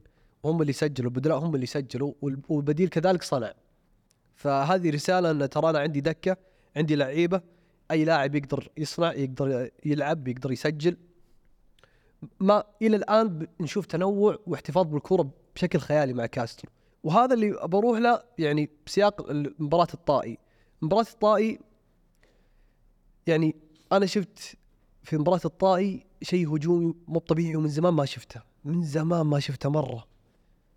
آه فمباراه الطائي لما تناظر في, في, في الأطراف ولما تناظر في العمق في اليسار أنا عندي تلس في الهجمة. تلس قدامه بروزوفيتش قدامه ماني. هذه في جهة واحدة. تروح هناك على اليمين تناظر على اليمين سلطان الغنام تاليسكا وهنا أوتافيو. وفي العمق يضم الخيبري. لابورت يقدم للنص. هذه كلها يعني كل هذا الثقل الهجومي ترجم إلى أشياء كثير. صح ما سجلنا وما كنا محظوظين صراحة بالتسجيل وضيعنا كثير. كريستيانو يمكن ضيع ثلاثة. تاليسكا ضيع فرصتين ممكن. هذا كله في شوط واحد. أنا بعطيك إحصائية ممكن أنا لما شفتها ما صدقت إنه كريستيانو وتاليسكا وماني لحالهم لحالهم 20 هدف ونادي الاتحاد 18 هدف ونادي الأهلي 18 هدف والفتح 16 هدف أو 17 هدف والاتفاق 16 هدف. أنا عندي ثلاثي هجومي آه يوازي أندية بقوة التسجيل. لأن في ناس كثير تقول لا الشغل كله الكريستيانو إذا غاب كريستيانو ماني يقدر يسجل. هذا شفناه في كأس الملك. إذا غاب ماني وكريستيانو تاليسكا يقدر يسجل مم. وتابي يقدر يسجل صح. بروزوفيتش فوفانا حتى اللي في الدكة. آه برضو في إحصائية ثانية. أنا يعني أنا كنت مستغرب إن هذا هذا كان رقم قياسي على العالم. تذكر في مباراة الأهلي لما احتفظ النصر في الكورة؟ دورها تقريبا 236 ثانية. دقيقتين و36 ثانية. هذا الرقم الأول حاليا في العالم بالإحتفاظ بالكورة. قبله كان برشلونة صح؟ أه تحت السيتي أو تحت برشلونة وتحت السيتي. مم. أسلوب كاسترو لو تلاحظ احتفاظ بالكورة موجود تبغى عرضيات موجود تبغى على الأطراف أحسن لي موجود. كل شيء يعني أسلوب متنوع مش رش عرضيات مش خش في العمق وبس لا كل شيء اللي تبغاه. هذا قاعد يرمي يرمي قاعد يرمي عند معاذ طيب آه ال- ال- ال- المباراة الطائي شفنا عليها كلام كثير على موضوع ضياع الفرص وشفنا موضوع يمكن التحكيم حالات تحكيمية أنا ما أحب أتكلم في التحكيم كثير صراحة يعني بس كيف شفت المباراة بشكل عام؟ لا زالت مشكلة الدفاع مستمرة الدفاع المتقدم أه، بشكل أبغى ألطف المصطلح بس بقول بشكل بشع أنا مو بجايز لي صراحة. لابورت أنا أنا يعني تقريبا وقعت في غرامة خلاص. أنا أحب لابورت بشكل مو طبيعي. في كأس الملك تمريرة لابورت إلى غريب هي اللي كسبتنا بلدي صح. في الشوط الأول. قدام الطاي لابورت يفتك يعطي باصات يقول للمحاور يقول للصانع هدي أنا موجود. أنا أعطيك كور طويلة أعطيك كور بينية. وهذا الشيء مفتقدينه إحنا من زمان. وأنا قلت كذا أكثر من مرة مفتقدينه من زمان. بس مشكلة الدفاع المتقدم نلعب على مصيدة التسلل واللعيبة مش عارفين أصلا يسوونها سلطان غنام في هدف الطاي بدل ما يروح مع اللاعب حاول يكسر التسلل وراح انفرد. خلى وسواه مع برضه صالح. ف مو صالح العمري شو اسمه؟ الحمد لله عبد الرجال. سواه برضو في مباراة أحد. يعني اللعيبة مش عارفين يسوون المصيدة. اي يعني. اي جديد والله عليه. جديد وأتوقع كاسترو ما طبقها يعني خلينا نقول في المعسكر بشكل مستمر اللي خلاص تعودوا عليها أتوقع جات بطريقة جديدة يبغى يستحوذ لما جوه العناصر الجديدة. آه، الطريقة هذه مهاجم أحد شاطر بعد. إي وحتى أحد ترى فريق والله فريق. لو شاطر كان سجل ثلاث فرص جات. والله والله فريق ترى بودبوز وميلسي وحتى في واحد إسباني معهم جنن أحد. الجناح اليمين ولا؟ امم آه، كورتاد ومدري شو اسمه شيء زي كذا. إي إي إي. هذا جننا يعني كان بيقدر يسجل ثلاثة. بس نرجع مباراة الطائي. الدفاع ال- ال- ال- المتقدم مع مصيدة التسلل ما أتوقع انها يعني بتفيدنا على ال- ال- المدى الطويل. بس أهم شيء ثلاث نقاط صراحة بالفترة هذه وفي في شهر كامل كاسترو في كل البطولات يحصل على ال- العلامة الكاملة بدون ولا خسارة بدون ولا ضياع ولا نقطة. ومع انها كلها مباريات صعبة وأغلبها كانت خارج أرضه. الشهر الجاي أغلب المباريات في أرضه أثق برضه انه ست بيجيب مباريات أتوقع الشهر اللي راح؟ آه إيه. أربع دوري اثنين ك- واحد كأس ملك واحد آسيا. آه، بالضبط. فمدرب والله كاسترو شوف أنا قاعد أنا قاعد- الشهر هو مبدئيا. قلتها في ال- في, تويتر كاسترو آه okay ممكن تسجل فيني بس تحمل اللي يجيك. بالضبط. عارف يعني تسجل واحد صح. حتاخذ خمسة. آه نصر مرعب. النصر مخيف كحلول هجومية صراحة. وترى ترى شغل مدرب يعني لما تستوعب شغل المدرب بفتره القصيرة هذه ترى شغل مو طبيعي. لأن أي مدرب بيعمل على الإرث اللي وراه الإرث المتروك. ثلاث سنين من الضياع في نادي النصر بين مدربين سبع ثمان مدربين في ثلاث سنوات بعضهم خمس شهور. يعني في أنا في يعني بعض المصادر اللي أكدت إن اللعيبة مستائين أصلا من زمان. البيئة مش مساعدة. أنا لما أجي أتعرف على مدرب شهرين ثلاثة رايح. يجيني مدرب بعد أنا ما أنت مين؟ إيش أسلوبك؟ سبع خطط سبع تكتيك سبع تشكيلات سبع أفكار. أنا ما يعني كلاعب أنا بطفش. فكاسترو خلق بيئة إن حتى تصريحات ماني وعائلته لو سمعتوا تصريحات أم ماني. والله مرة جايب أمه مرة خالة يصرح. هم عائلته كلهم جو هنا حتى مشجعين من السنغال صاروا يحضرون مباريات نادي النصر. شيخ ماني. ف. نحترم نحترم. حقت صح صح. والدة ماني وش وش صرحت؟ صرحت إن انتقال ساديو إلى نادي النصر جاء بعد تفكير مش طويل. جاني عرض من نادي في السعودية على طول بروح له. غير كذا ماني كان يعيش فترة سيئة جدا مع بايرن ميونخ وجاء جت عروض في أوروبا. ام عائلته وأمه أكدوا هذا الشيء. اختار نادي النصر أمه قالت هذا أحلى قرار سواه في مسيرته. إحنا مرتاحين جدا هنا وحتى لو ساديو ماني انت عقده مع نادي النصر راح يقعد هنا. ما راح نطلع من ذا البلد. أوه. إحنا آه. حابين البيئة وحابين الشعب. زيادة على كذا البيئة كريستيانو أنت شايف إيش قاعد يسوي؟ كريستيانو الآن في صدارة الهدافين. كريستيانو الآن أكثر من صنع وأكثر من ساهم وأكثر تقييم ولاعب الشهر وكل شيء في بالك. كريستيانو وأنا اكد من مصادر معاذ صديق كريستيانو يقدر يأكد لي. أنا قلت بعد ما اصور مع خوينا يمكن يبي يجي انتكاس ولا شيء. تفضل عطنا عشان. كريستيانو الآن مرتاح وسعيد جدا جدا جدا جدا جدا في نادي النصر. نعم. و- وبعد السنة تقريبا السيئة جدا اللي مر فيها مع مانشستر يونايتد. واصلا من الحياة يعني من جانب الحياة برا كرة القدم من خسارة ابنه والأشياء هذه اللي صارت إن كريستيانو جاء وتعافى في نادي النصر. خلاص نفسيته فوق. وأنت تشوف كريستيانو إذا نفسيته فوق تكلمنا بيئه ايجابيه راح يبدع لك راح يقدم لك كريستيانو الحين أنا أحس عمره 28 مش 38 فعلا. يا رجال يكفي النصر عنده جاكوزي. بالضبط. مان يونايتد ما عنده جماعة الخير. بالضبط. يا أخي. أصلا حتى اللعيبة ترى أنا أحسهم الآن أقرب للجمهور. أنت شايف لقطه بعد هذا كل شغل مباراه المدرب ترى هذا شغل بالضبط هذا شغل المدرب هذا ال- اللي المدرب اللي يكسب احترام جميع اللاعبين أساسيين واحتياط ونجوم ترى هذا مدرب مرة عبقري. اللي يعرفوا إنه غرفة ملابس نادي النصر تخلو الآن من الثياب والأشمغة. بالضبط. كلهم صار يلبسون بدل يعني ولا ما عاد في يعني ما ال- الإداري اللي ماله صلاح في لأنه في تغيير كبير صاير ترى لو سمحت أنت مالك مكان عندك غرفة الملابس غرفه آه. الملابس الآن أصبحت للاعبين فنيا فقط فقط وماشيين صح وهذا. شيء وهذا شيء بصراحة ما عاد في مكا- مكافأة مضاعفة و أيوه ندخل وجرينتا وأنا شدوا حيلكم اللي أتكلم ودبلها. صوروني يا مركز إعلامي وأنا أحفز. الفريق قوم اطلع برا يعني. وغير كذا شوف غير كذا آه نادي النصر حاليا في تاسع انتصار على التوالي مع البطولات كلها سابع انتصار في الدوري. نادي النصر لو استمر في سبع انتصارات ثانية أو ست انتصارات راح يعادل رقمه رقم نادي النصر اللي مسجل باسمه 13 انتصار متتالي في دوري المحترفين. الآن النصر ستة ثاني رقم مسجل باسم الهلال 10 أول رقم 13 باسم النصر. فالنصر الآن في محاولة لكسر رقم النصر اللي هو الأعلى في الدوري 13 انتصار متتالي. الحين إحنا ستة تسعة كإجمالي. غير كذا في معلومة ثالثة برضه. فيتوريا في موسم مع موسمه مع نادي النصر كامل سجل 92 هدف. مم. حاليا نادي النصر في ربع الموسم. كم تتوقعون سجل؟ في ربع الموسم. في كل البطولات؟ اعطينا رقم. أتوقع في الخمسينات. صح؟ عمر عادي تصير اتحادي ولا؟ احتاجك معي أعطيني رقم أبراهيم. آه أرمي. 45 مثلا؟ في تفضل الخمسينات أتوقع.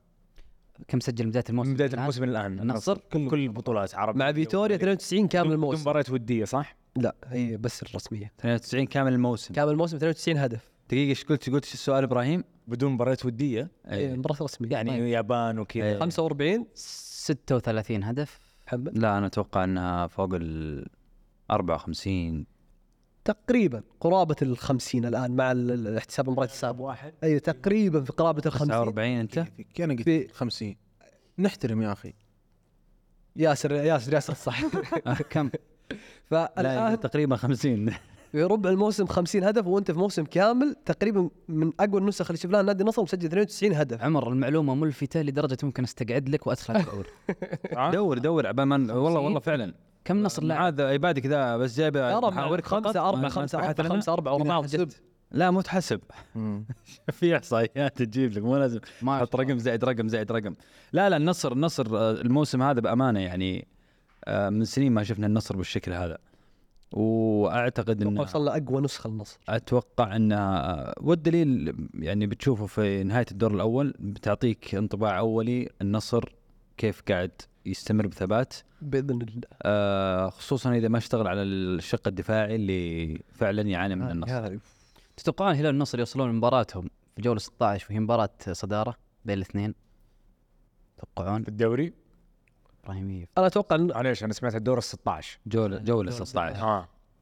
الحين أتوقع النصر مشى في خلاص خطوات والله أنا أتوقع الدوري بينهم الاثنين. لا بس هل بيوصلون وهي مباراة صدارة ولا بيبقى الاتحاد حاط يعني ينافس إحنا الجولة كم الآن؟ خلصنا ثمانية. الحين النصر أتوقع 18 الحوار والهلال لا 20 قبل ال صح؟ 16 آه. إحنا فيها. أنا فيها في العشرة يعني. أهم شيء التثبيت خلاص. آه، هم هناك. وأنا وأنت مشينا. وإحنا فاهم؟ والله المركز الآسيوي لي والله ما تاخذ. طيب آه آه من من من النصر والهلال آه إلى الاتحاد؟ لا آخر شيء. لا مبسوط عن مكسرات أنت وها لا والله قاعد مبسوط في الشباب وسواليفهم أقسم بالله. طيب.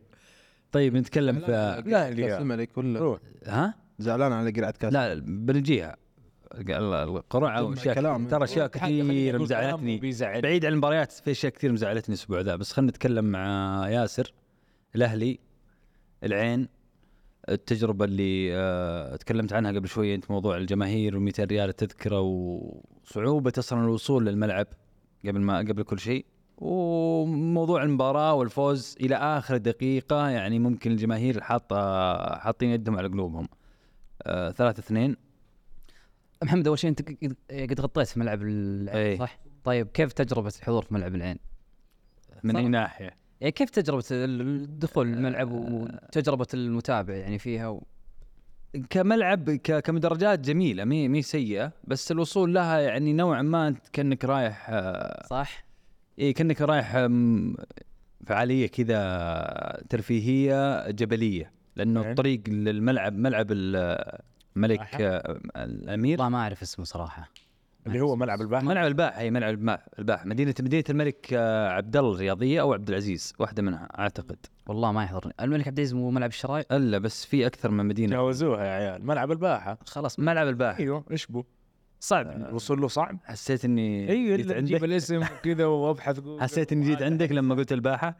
ملعب الباحة يس- يسألني إنه قد غطيت فيه قلت إيه غطيت فيه.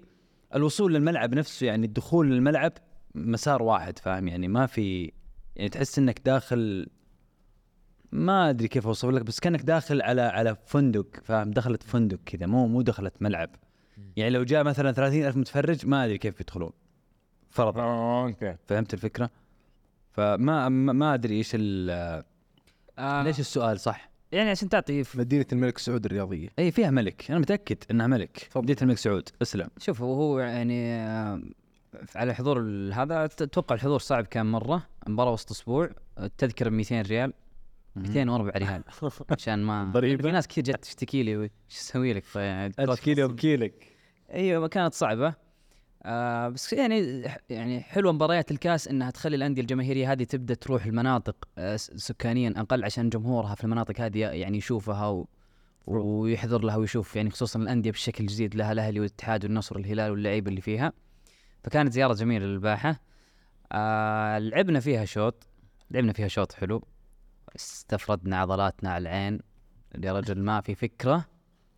سو- سوينا. سويناها كل الأفكار لدرجة إنه في فكرة نبغى من نبدأ الهجمة لين نوصل المرمى نبغى سبع ثواني ثمانية ثواني maximum صرنا نعطيهم حد أعلى نقول. يلا بنروح ناخذ بدون يعني تقليل من نادي العين بس يعني بحكم إنه يلعب في درجة أقل والأندية اللي اللي الحين الأهلي والاتحاد والنصر والهلال فارقين عن أندية نفس الدوري اللي هم فيه. فسوينا كل الأفكار خلصنا شوط بثلاثة العازف سجل أول أهدافه معانا العازف اللي كل الأندية السعودية المفروض إنها كانت تبغاه بس الحمد لله حظينا فيه في الأخير. كان شوط حلو الاسماء المحلية في الأهلي.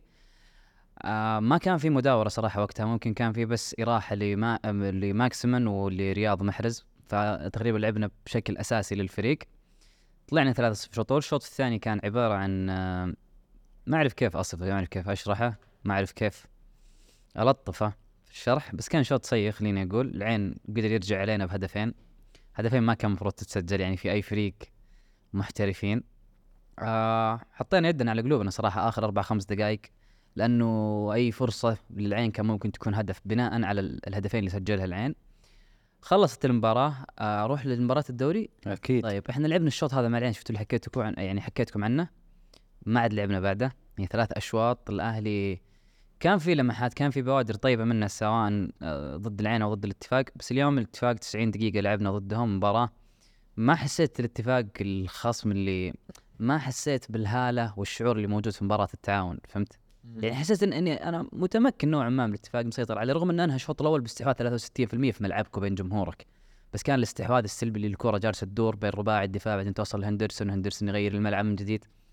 فما حسيت بالقلق. إحنا يعني لما انهينا الشوط كان عندنا تسديدات على الباب أكثر. سجلنا هدف offside كان فيه نصف ساق ماكسيمان يعني في الهدف رغم إنه كان يعني هدف بيتوج مجهوده بال sprint والحركة وال pass الحلو. فيرمينو كمل المجهود وأنهى فرصة وقلنا بوبي فيرمينو الساحر رجع بعد غيابه ست جولات. بس للأسف قرار الحكم في وقتها ألغى الفكرة والإيجابية هذه كلها. آه، 90 دقيقة فرص وصولنا كانت حرجة، فرص وصولنا كانت جميلة في حيث إننا نوصل بنفس الفكرة، نضغط ناخذ الكورة من الاتفاق في ملعبه ونستغل آه، عدم الانتظام من من رباعي الاتفاق أو في في في لعيبة مش في أماكنها، بس كانت دائما تقابل برعونة من لعيبتنا، على الجانب اللياقي اليوم كنا كارثيين جدا أعتقد. آه، في لعيبة طلبت التبديل الأسباب هذه. جابري فيجا خرج الدقيقه 45 ما أعرف هل كانت إصابة أو كان تبديل فني بس أرجح جزئية الإصابة لأن كان فيه يعني تلامس ما بينها وما بين لاعب الاتفاق آه، قبل نهاية الشوط الأول. آه، شفنا شفنا المجحد خرج لنفس الإصابة شفنا في كيسيه منزل الشراب من الدقيقه 65 وبعد كذا في لقطات كثيرة مو قادر يجري من الشد العضلي اللي جاه. علي مجرشي وكذلك يعني الفكرة اللي الآن واضحة لنا جدا الأسلوب اللي يحتاجه ماتياس أو اللي يبغى يلعب فيه ماتياس مع الأهلي هو أسلوب متطلب جدا. وللأسف حسب اللي أنا قاعد أشوف إنه ما ينفع الفريق أنت وصلت له في نصف معسكر وفريق مو مستعد وفريق نص أجانبه جو قبل بداية الدوري بثلاث أيام بيومين. ف الفكرة اليوم هل يا ماتياس أنت راح تصر على الموضوع هذا وتقول أنا وصلت وإحنا الآن قطعنا نص الطريق ونص المشوار مع بعض؟ وإن شاء الله يوما ما وعندي اتحاد وبعدها وقفه أسبوعين فممكن أستغل الموضوع هذا لرفع الجوانب البدنية والجوانب اللياقية. أو إنك بتبدأ تتعامل يعني نوعا ما بواقعية مع مع مع ظروف المباراة كيف مم- ممكن يعني أو مفروض تكون. آه نقطة استفهام على على جابري فيجا و45 دقيقة جمهور الأهلي ينقسم اليوم في في في فكرة من فكرتين. هل هذا هو جابري فيجا؟ وهل هو إضافة أنا ما كنت محتاجها مثلا؟ ولا هل هو ضحية توظيف ماتياس لفيرمينو مثلا؟ ف آه حتى موضوع حتى موضوع دخول فراس آه ياسر. إيش ترجح؟ أنا ب... أنا شوف برجح إن إن ماتيس جالس يعني يسوي كل ما بيوسعه عشان عشان فيرمينو ير- يرجع يلقى نفسه من جديد في في في, في شكل الأهلي الحالي. يعني ما عندك خيار ثاني؟ مو ما يعني ما هو بمنطقي مثلا إن إن جابري فيجا جالس يلعب ورا. في الأماكن هذه. تمام ومش جالس أستفيد منه في الثلث الأخير للملعب في إنه يعطي الباس قبل الأخير في إنه يكون هو مسجل الهدف وإنه يتحرك في المناطق اللي اللي اللي اشتريناه عشانها من سلتا فيجو مثلا أو عشان أندية أوروبا شافت ما هو كبير عشان الأشياء هذه. إحنا جالسين تماما بعد عن المناطق هذه. جالسين نعطيه يعني أدوار ثانوية نوعا ما لتعويض مثلا أدوار محرز الدفاعية عشان تساعد علي أكثر عشان تكون المحور اللي دائما جنب المجحد اذا كيسيه يعني برا اللعبة. فانا ما أنا ما أقدر يعني أنا ما أحب أتعمق في الأمور الفنية ولا الأمور اللي فيها تحليل مبالغ فيه لأنه في الأخير أنا ما أملك شهادة C ولا B ولا A ولا أي شهادة أصلا يعني يدوب شهادة اللي موظفتني ف ما أبغى أتعمق كثير بس أنا مو قاعد أشوف كرة حلوة جالس يلعبها الاهلي مو جالس اصو يعني مو جالس أشوف وصول بعدة طرق فهمت؟ اللي اليوم كان جميل إن الفريق هذا له شكل دفاعي تمام؟ طب هل الشكل الدفاعي هذا اللي اليوم كان آه، مخلي الاتفاق يوصل مرة أو مرتين؟ واللي بالمناسبة تالق فيها حارسنا السنغالي. أخيرا. حارس أخيراً. العالم إدوارد مندي. آه هل هو اللي سبب عودة عبد الباسط هندي؟ ولأن عبد الباسط صراحة واو أنا ما أتوقع اليوم لو ديميرال لعب مكان عبد الباسط. آه أنت تقول لي توقع توقع تخليني أتخيل أنا ما أبغى أتخيل ما أبغى أتخيل أشوفه مرة ثانية بسلامته يعني إلا إذا مضطرين. نشوفه. فعبد الباسط اليوم كان الأمان كان كان كان اللاعب اللي يطلع بالكورة ملعب الأهلي. كان يعني الكورة توصل للمحور إحنا مأمنين الكورة بتوصل. إذا ضغطت عليه يا ديمبلي إذا ضغطت عليه يا جراي إذا ضغطت عليه كويسون عبد الباسط يقدر يلعب كورة طويلة ترى وما راح يلقى صعوبة فيه ابنز كذلك ومن كم مباراة ابنز قاعد يلعب الكورة الطويلة الصح وللاعب الفاضي. ممكن سعد بالعبيد اليوم ما وفق في أكثر من فرصة. آه ما كان ياخذ القرار الصح ما كان يلعب ماكسي مثلا معاه أو ما كان يشوف فيرمينيو وين بالضبط. آه فالسؤال اللي يسال يسأله كل أهلاوي وإن شاء الله ان إن كل أهلاوي يسأل نفس السؤال هذا آه أنا مش من الأشخاص اللي طالب بإقالة ماتيس نهائيا okay. لأن أنا شايف في أمل وفي مستقبل معه. ما أعتقد إنه يعني ارتكب شيء يخليني أغسل يدي تماما منه تمام؟ بس ما عاد أبغى أشوف فراس في اليسار. ما عاد فاهم؟ أبغى أشوف جابري فيجا اللي رحنا طردناه وجبناه من منتزعناه من وسط أوروبا. أبغى أشوف الأشياء هذه أبغى فريق يخلق عدد فرص كبير في المباراة. ما أبغى ألقى نفسي دقيقة 60 70 نظرا للعوامل البدنية للعيبه أنا طافي وأنتظر الغلطة. ولما يغلط الاتفاق اليوم غلط الاتفاق مرتين في لقطات يعني أخذ واحدة أخذها زياد واحدة والله ناس مين افتكها بس في واحدة طلع فيها فيرمينيو واساء التصرف فيها. okay أنت كمدرب ما تحاسب إن في أحد لعيبتك أساء تقدير هجمة واحدة وما تصورها صح عشان يعرف يتصرف فيها. بس في الأخير النتيجة الإجمالي في كرة القدم هم دائما اثنين. يا الإدارة اللي ما شالت المدرب يا المدرب نفسه يعني أخطاء اللاعبين فرديا لها هوامش معينة بس دائما ما تتجاوز نسبة ال 10 20% سواء ضيع فرصة أو جاب العيد في لقطة سببت هدف معين. فهمتوا؟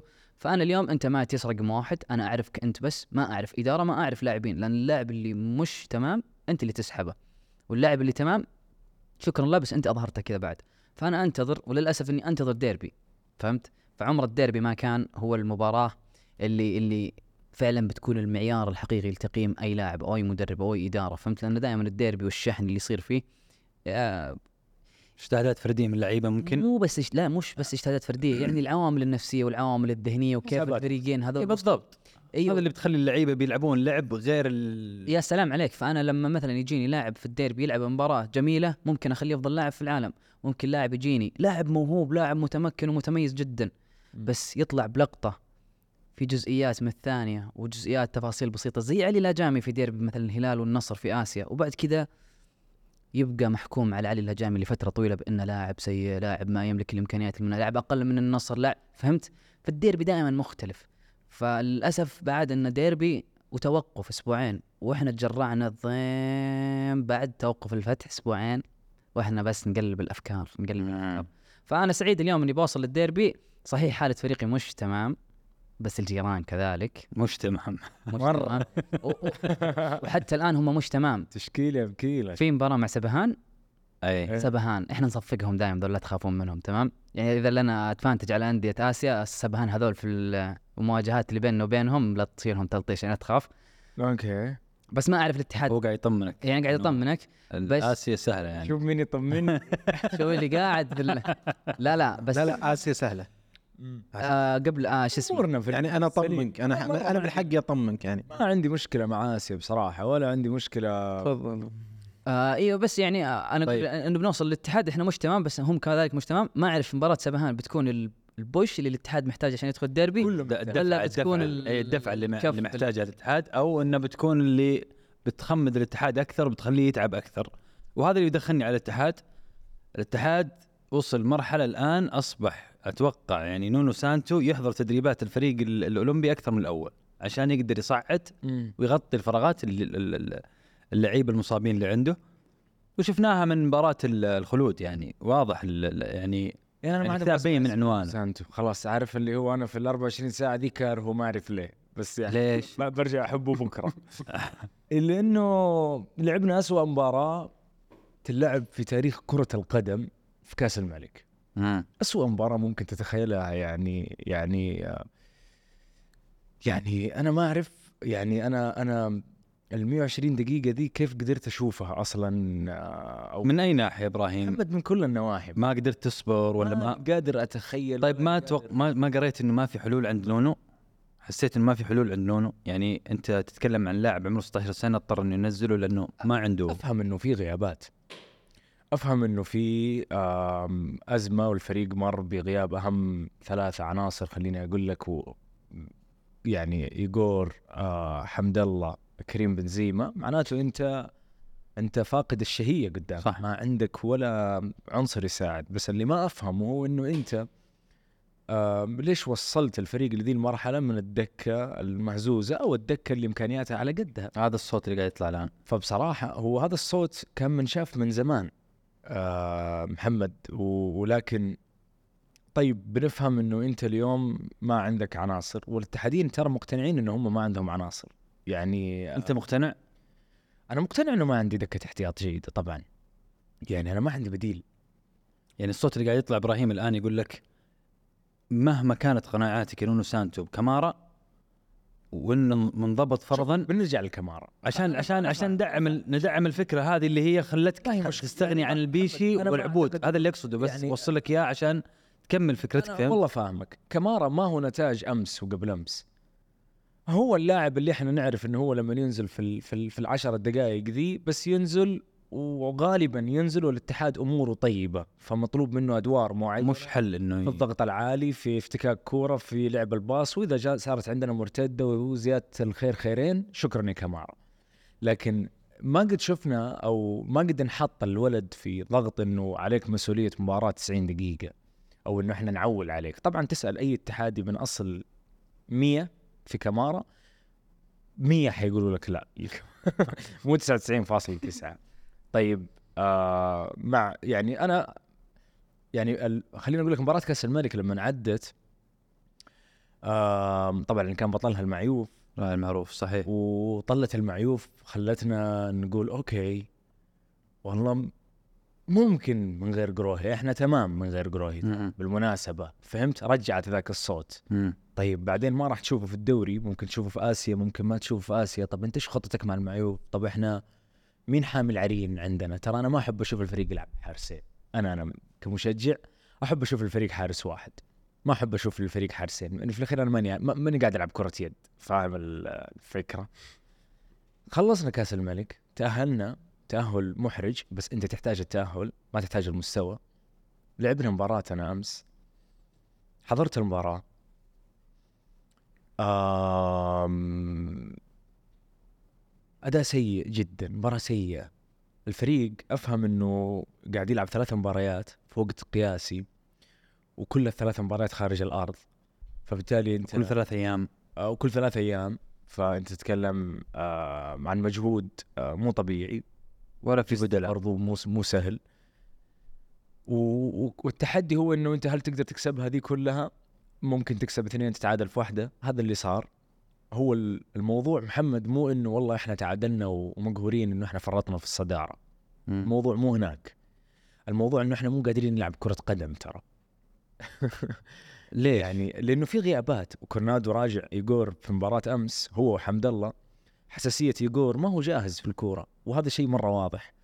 بس أنت أعطيت شكل للاتحاد شكل ما ودك تشوفه في جولة 11 متوقع إنك تشوفه في جولة 23 27 لعبنا ألوف الدقائق ورهقنا استنزفنا أفكارنا دخلت في بعض ولعبنا أربع بطولات ومنافسات. بس إني أشوفه في جولة 11 مين تحمل هذا صاير موضوع مربك. وأعتقد إنه هذا شيء ما هو مقبول يا محمد. وهذا شيء بدأ يوتر حتى الداخل الاتحادي. خلصت المباراة بخيرها وشرها أنت تعادلت. كمارا من ال... من الصرخات الجمهور اللي جاته في المباراة يا شباب ما هو عارف يسوي كنترول فالصوت واصل جوا اللاعبين حاسين بالموضوع يعني ما أقول لك الموضوع آه، في الخفاء. مم. حضور جماهيري أقل من المتوقع وأنا أفهم من المباراة ان ان عرف إنها انلعبت أو بتلعب في الرياض قبلها ب 48 ساعة. هذا بنجيها برضو. لكن برضو الحضور الجماهيري في في في في الرياض لجمهور نادي الاتحاد أعلى. لو نتكلم عن مدينة رئيسية نتكلم عن جمهور اتحاد كبير وازداد في آخر ثلاث سنوات. كون إنه الرياض الآن صارت تجمع كل كل كل فصائل آه، مدن المملكة. حضور آه، أقل من عادي ومباراة أقل برضو من عادية. وما أخذت فيها لا ثلاث نقاط اللي أنت تبغاها والحمد لله إذا أنا بشوفها كوضع اتحادي انك خرجت فيها بدون إصابات. كمان. هذه هذه نعمة. لكن أخذت. النقطة. حقتك. أخذت النقطة. خرجت بإصابة آه، مين؟ بابا مسعود. طاح لا بابا يا مسعود آه، ما أنا فانا انت ترى ما انتبهت. الفيو صعب يعني. لا بابا مسعود بابا مسعود كان آه، طيحته طيحه اللي أنا آخر شيء استوى. عندي هذه المباراة. لا هي واضحة يعني. يعني خذها من منظور ولاف على الفخذ يعني ف لو باخذها على رقم بعتبر إنه أنا لعبتها في مجمعه لكن أنا لعبتها في الرياض وحضوري كان طاغي فكانت كأنها على أرضي فالمفروض كنت أخذها. احترام للفيحة طبعا. عدم احترام لردة الفعل اللي صارت بعد المباراة. من من من يعني المزاج العام محمد في النادي ترى أنت ما خسرت شيء. يعني معليش ترى أنت الثاني وخسرت نقطة وكله تمام بس الحالة ذي اللي جات حالة عدم اقتناع باللي جاي.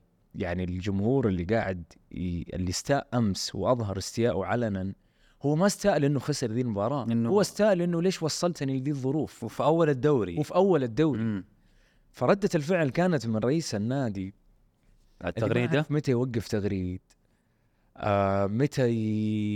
يعني لما كنا نتكلم عن بنافل ف نقراها عشان الدرافت عندي غير الدرافت عندك. نسترجع بس. ما عشان كذا عشان كذا تقول الطريقة مؤدبه يعني شو نسترجع التغريدة إبراهيم. مكاننا. عشان كذا والله ت... آم أنا أرجع. عشان نسترجعها بس. في نقاط أبغاك تعلق عليها واحدة بواحدة والشباب معنا أعتذر لكم على النتيجة التي لم تكن مرضية. طبعا بداية جمهور الاتحاد العظيم أعتذر لكم عن النتيجة التي لم تكن مرضية لنا جميعا. قد يكون الضغوط التي يقاسيها الفريق في جدولة المباريات دور في ذلك ولكن علينا كفريق بطل التأقلم مع هذه الظروف وتقديم جل ما لدينا للبقاء في طور المنافسة على جميع الأصعدة سليم. وهو ما نعدكم به في القادم. فالمشوار طويل. وبدعمكم نصل إلى ما نهدف إليه حتما آه وبدعمكم نصل آه إلى ما نهدف إليه حتما الانتقاد مرآة مرآة العمل ولا نستغني دون شك عن آرائكم البناءة التي كان ولا زال وستظل محل اهتمامنا لما لها من أثر كبير في مسيرة هذا الصرح الشامخ بعدين بين قوسين ولكن هنا المفروض. ليس كل ما يعلم يقال. مم. وأخيرا شكرا للتحية الخاصة داخل أرض الملعب من كل محب رغم التعثر فهذا ما تعودناه منكم. وهو ما يحفزنا دوما لتقديم كل ما نملك لإسعادكم. م. كل الناس خلوا التغريدة بالضبط اللي هي عادية اللي هي كان المفروض يحط نقطة نهاية السطر هناك وحيكسب كل احترام مشكلتك كل معي. بارت ليس ولكن ليس كل ما يعلم يقال. حطها بين قوسين. ولا الثانية حقت ال... لا ليس كل ما يعلم. إيش الثاني هي واحدة. أنا ما أدري. إيش- لا إيه جملة قصدك؟ حقت شكرا لتحيتكم لأن أنا اللي شفته في تويتر كان فيه آه، شكرا للتحية الخاصة. داخل ارض الملعب أيوه. انه كان في استهجان على خروجه. على اللي بين القوسين والثاني. شفت شو اللي بي- آه شو اللي لا أنا لاني خرجت قبل يصفر الحق لا شو لأنه اللي بين القوسين؟ أنا من الجمهور اللي خرجوا. ها؟ اللي بين القوسين وليس ولكن ليس كل ما يعلم يقال. ما أدري يعني والله معاذ ما أعرف. تعرف أقول لك معليش يعني أنا أشوف إنك ترى كنت واضح جدا أن عندك ضغط مباريات. من قبل بدايه الموسم انت عارف إنك تلعب كأس الملك. عشان كذا مع عسكر والله أنا هو إيش ما يعلم وش هو اللي يقال. هل هي شيء يتعلق بالمفاوضات؟ يلا يعني ها شوف دحين أنت في الوقت اللي المفروض إنه خلاص إحنا نركز مع الفريق.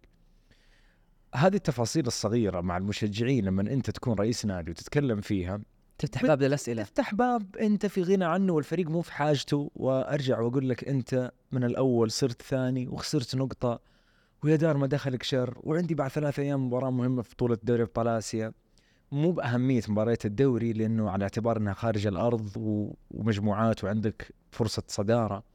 فالوضع في في السليم. فليش تحتقن هنا؟ يعني ليش تزيد الاحتقان في الوقت اللي أنت ترى ممكن تقفل جوالك؟ يا عمي لو قلبته على بطنك ما حد دري. على بطنه. مو على بطنك. نتجاوز. ليس كل ما يعلم يقال. طيب أنت في ذي اللحظة اللي أنت تتكلم فيها آم النادي بعد ساعة معلن عن تعيين رئيس تنفيذي. صحيح. طيب النادي اليوم برضو أعلن عن رئيس تنفيذي للمؤسسة الغير ربحية. صحيح. طيب معناته في قرارات ترى مرة مهمة. وهذه قرارات ترى بتفرق في تاريخ الأندية زي ما صار في نادي النصر وبيصير في النادي الأهلي وقريب جدا إن شاء الله في نادي الهلال. الأربعة كلهم بيكونوا فيهم رؤساء تنفيذيين خلينا نقول بخبرات عالمية.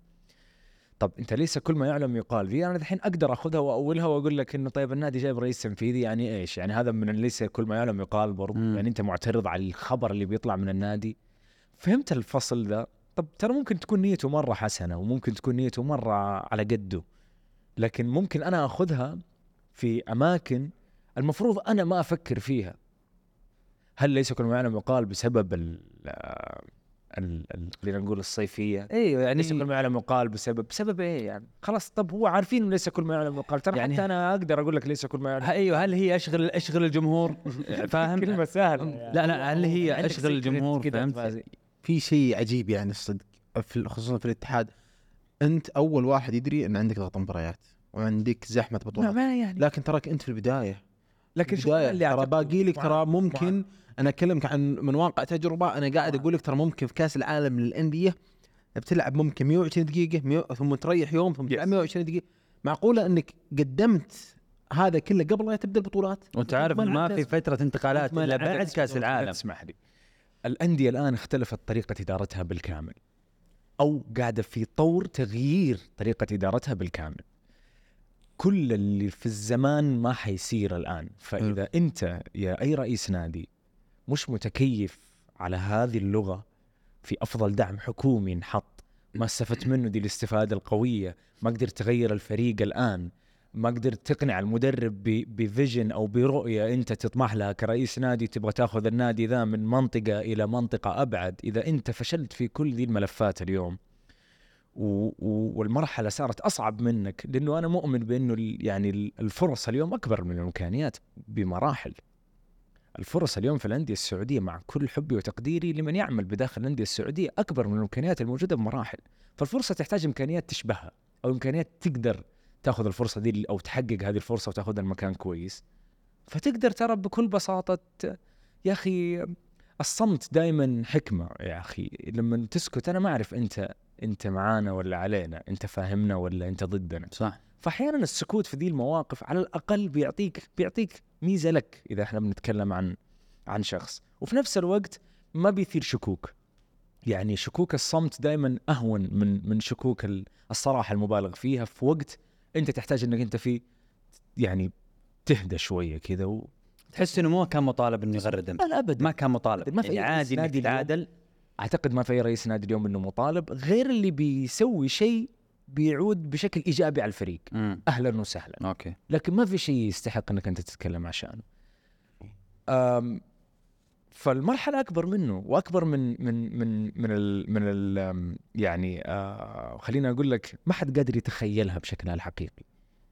لكنها كانت واضحة فإذا أنت عندك مشاكل في قراءة ما بين السطور حتى لو كل ما يعلم يقال إن قال لك كلام على الطاوله وتحت الطاولة صار كلام ثاني أنت المفروض تكون دندون فاهم؟ مم. يعني خلاص اليوم انت ترى انت بتدير شركة اليوم مو مو بتدير لازم يكون عملك مؤسساتي تدير شركة. بالضبط. اليوم أنا اللي أخشى على الاتحاد بكل صراحة إنه يكون في علم خلينا نقول إدارة الشركات.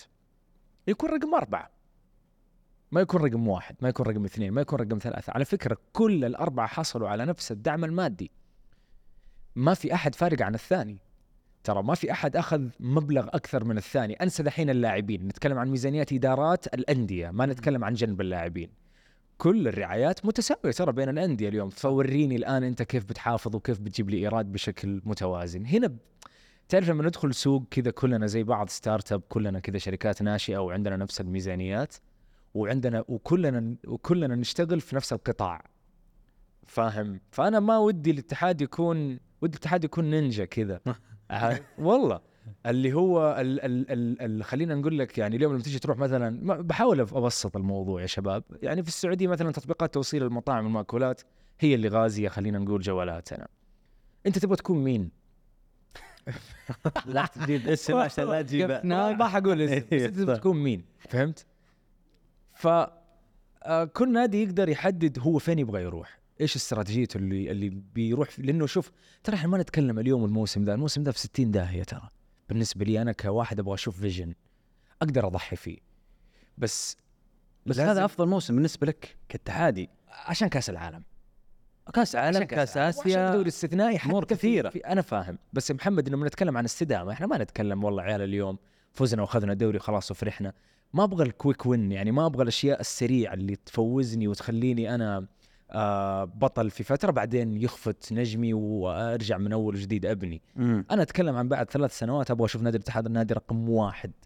من ناحية استراتيجية ومن ناحية مالية ومن ناحية فنية ومن ناحية تخطيط ومن ناحية أشياء مرة كثير نفسي أتكلم فيها بس يمكن الوقت ما يسع. أنا أشوف إنه فهل هذول اليوم أو خلينا نقول الشكل الحالي لنادي الاتحاد بيعطيني ذا الشعور؟ إيوه أنا مؤمن إنه في ال back office أو في المكاتب المغلقة التنفيذية في نادي الاتحاد أو المكاتب الخلفية عندي ناس بتشتغل على هذا ال vision لكن اللي ظاهر لي في السطح ناس ما تشبه ذي الرؤية تماما فهمت؟ أحسها بعيدة كل البعد عن هذا الشعور اللي بيوصلني في في مستقبل نادي الاتحاد بشكل جيد. في نفس الوقت أنا أشوف إنها أشياء تراكمية.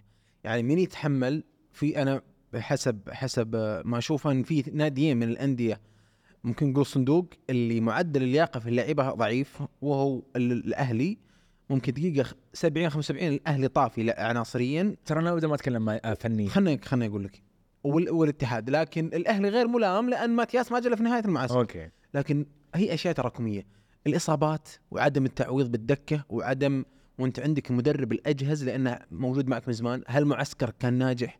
هل جبت الاستقطابات اللي تعزز فريقك في حال الاصابات وضغط المباريات؟ هل أنت كانت عندك نظرة عامة على فريقك والمباريات والضغط اللي راح يجيها من بطولة عربية من دوري من كأس ملك من سوبر من مونديال أندية. ترى خمس بطولات قاعد نتكلم من بداية أول حلقة لنا. ترى الاتحاد هو أكثر نادي عنده ضغط مباريات. هو الاتحاد المفروض يكون أجهز من كل الأندية الموجودة من أندية الصندوق. هذه كلها أشياء قاعد تشوفها تراكمات لما معسكر كثرة إصابات عناصريا الاتحاد مش يعني مش صراحة فارق بشكل كبير عن الأندية الكبيرة ولا على مستوى الصعيد المحلي والدكة. مم. لما غاب كورنادو أنت تحتاج إنك تلعب مباراة الفيحة كمباراة اللي معروف الفيحة بالتدخلات بالقوة الجسمانية بالالتحامات. تبي ترجعه في مستواه لأن عندك مباراة اسيا ثم عندك ديربي منتظر. الآن كلها أشياء قاعدة تتراكم. من المسؤول الأول؟ من اللي وافق على المعسكر إنه يكون كذا؟ ما شوف، مباراة ودية؟ اسمح لي أجاوبك. يعني أنا قاعد أشوفك كل كل شوي. قاعدة تجي شيء جديد. اسمح لي اجاوبك في الأندية اليوم أتحدى يكون في مسؤول أول عن أي سؤال أنت تسأله.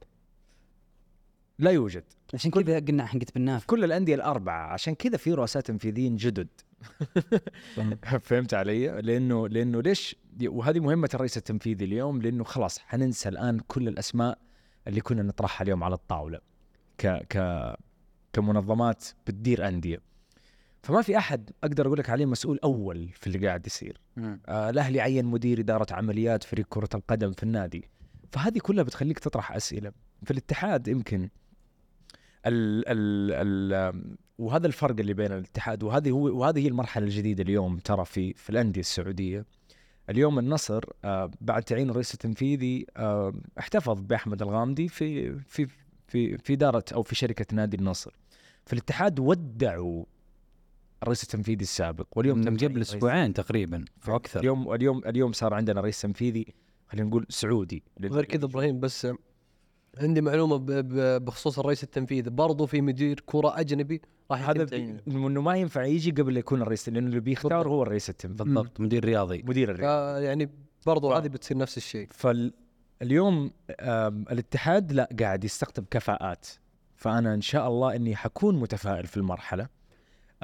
لكن الأسئلة اللي أنت تفضلت فيها معاذ أسئلة فنية بحتة تتكلم عن تجهيز ABC فريق كرة قدم أول لاستعداداته الموسم ال- اللي اللي اللي بيلعب فيه. طيب. أي بس أنا بالنسبة لي ردا على التغريدة. أحس إنه الرؤيه في الاتحاد ما كانت متوقعة أو ما كانوا شايفين هذا الشيء بشكل آه، مرة واضح. أو نجهز عادي. من من الأخير. خلينا نجهز عادي. من أو الاخير تدري تدري بعد- قبلك أنا خلينا. نكون. عاديين. ممكن. أنا اللي أشوفه إنه مثلا ما توقعوا بالسرعة هذه إنه في أول الموسم. ابدا. يعني ممكن في نص الموسم في الأخير بس أنا اوريدي مشيت طريق أو مشيت يعني يا رجال ما فهم لها الا الذئاب هلال ونصر عرفوها من فيش. أول يوم.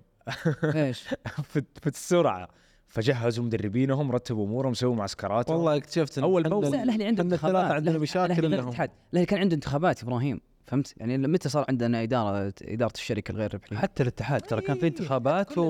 وصار صار تكليف. لا. صار تكليف سلة. الاتحاد الاتحاد والنصر بس الأهلي يقصد دخلوا عليه عناصر جديدة في إيه. كل النواحي. مين كان برضو في النصر؟ ما كان- ما كان في صانع قرار. البقية كلهم ثبتوهم إلا الأهلي صح. مم. ترى النصر برضو كان عنده انتخابات. لا الاتحاد النصر النصر والهلال والاتحاد مسلي كمل وفهد بن نافل كمل وانمار كمل.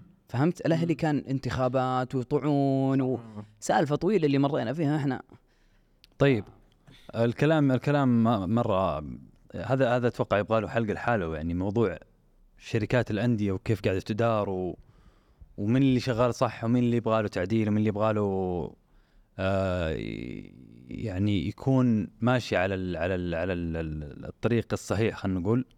ما ما أتوقع إنه زي ما قال إبراهيم خمس ولا عشر دقائق تكفي إنك تتكلم عن اللي قاعد يصير من عمل داخل الأندية.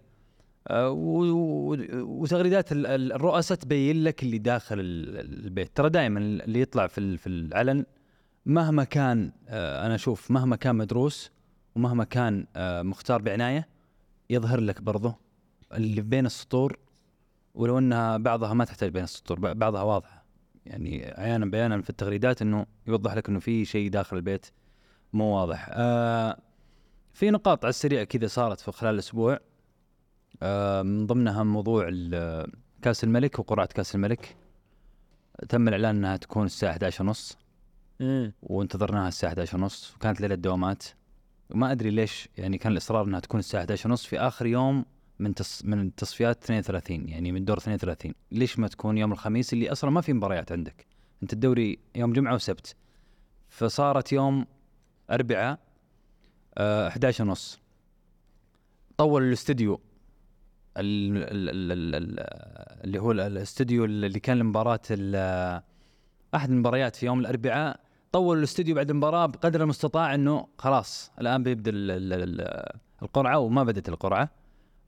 راحوا لفواصل إلى الساعة 12 الساعة 12 بدأت القرعة وكانت في الاستوديو فكتب تغريدة إنه تأخر الوقت نص ساعة وفوقها في الاستوديو عبد الله العيسى كذا يسوي في القرى ما يبي يطالع فيها. يعني على أساس لو طالع حنحسبه متواطئ يعني حبي شوف بغض النظر عن طريقة ال- الاختيار الله يعطيهم العافية سواء عبيد الله أو الكابتن محسن يعني يعني ولكن الفكرة إنه يعني مستنسخة من آه من إنجلترا من طريقة آه سكاي طيب. كاس الكاراباو انها ساتر. انها بنفس الطريقة. وطيب طيب لنفترض إنها نفس الطريقة. يا جماعة ترى والله إحنا نبغى إذا جيت تبغى يعني إذا جينا نبغى ناخذ من إنجلترا نبغى ناخذ النقل.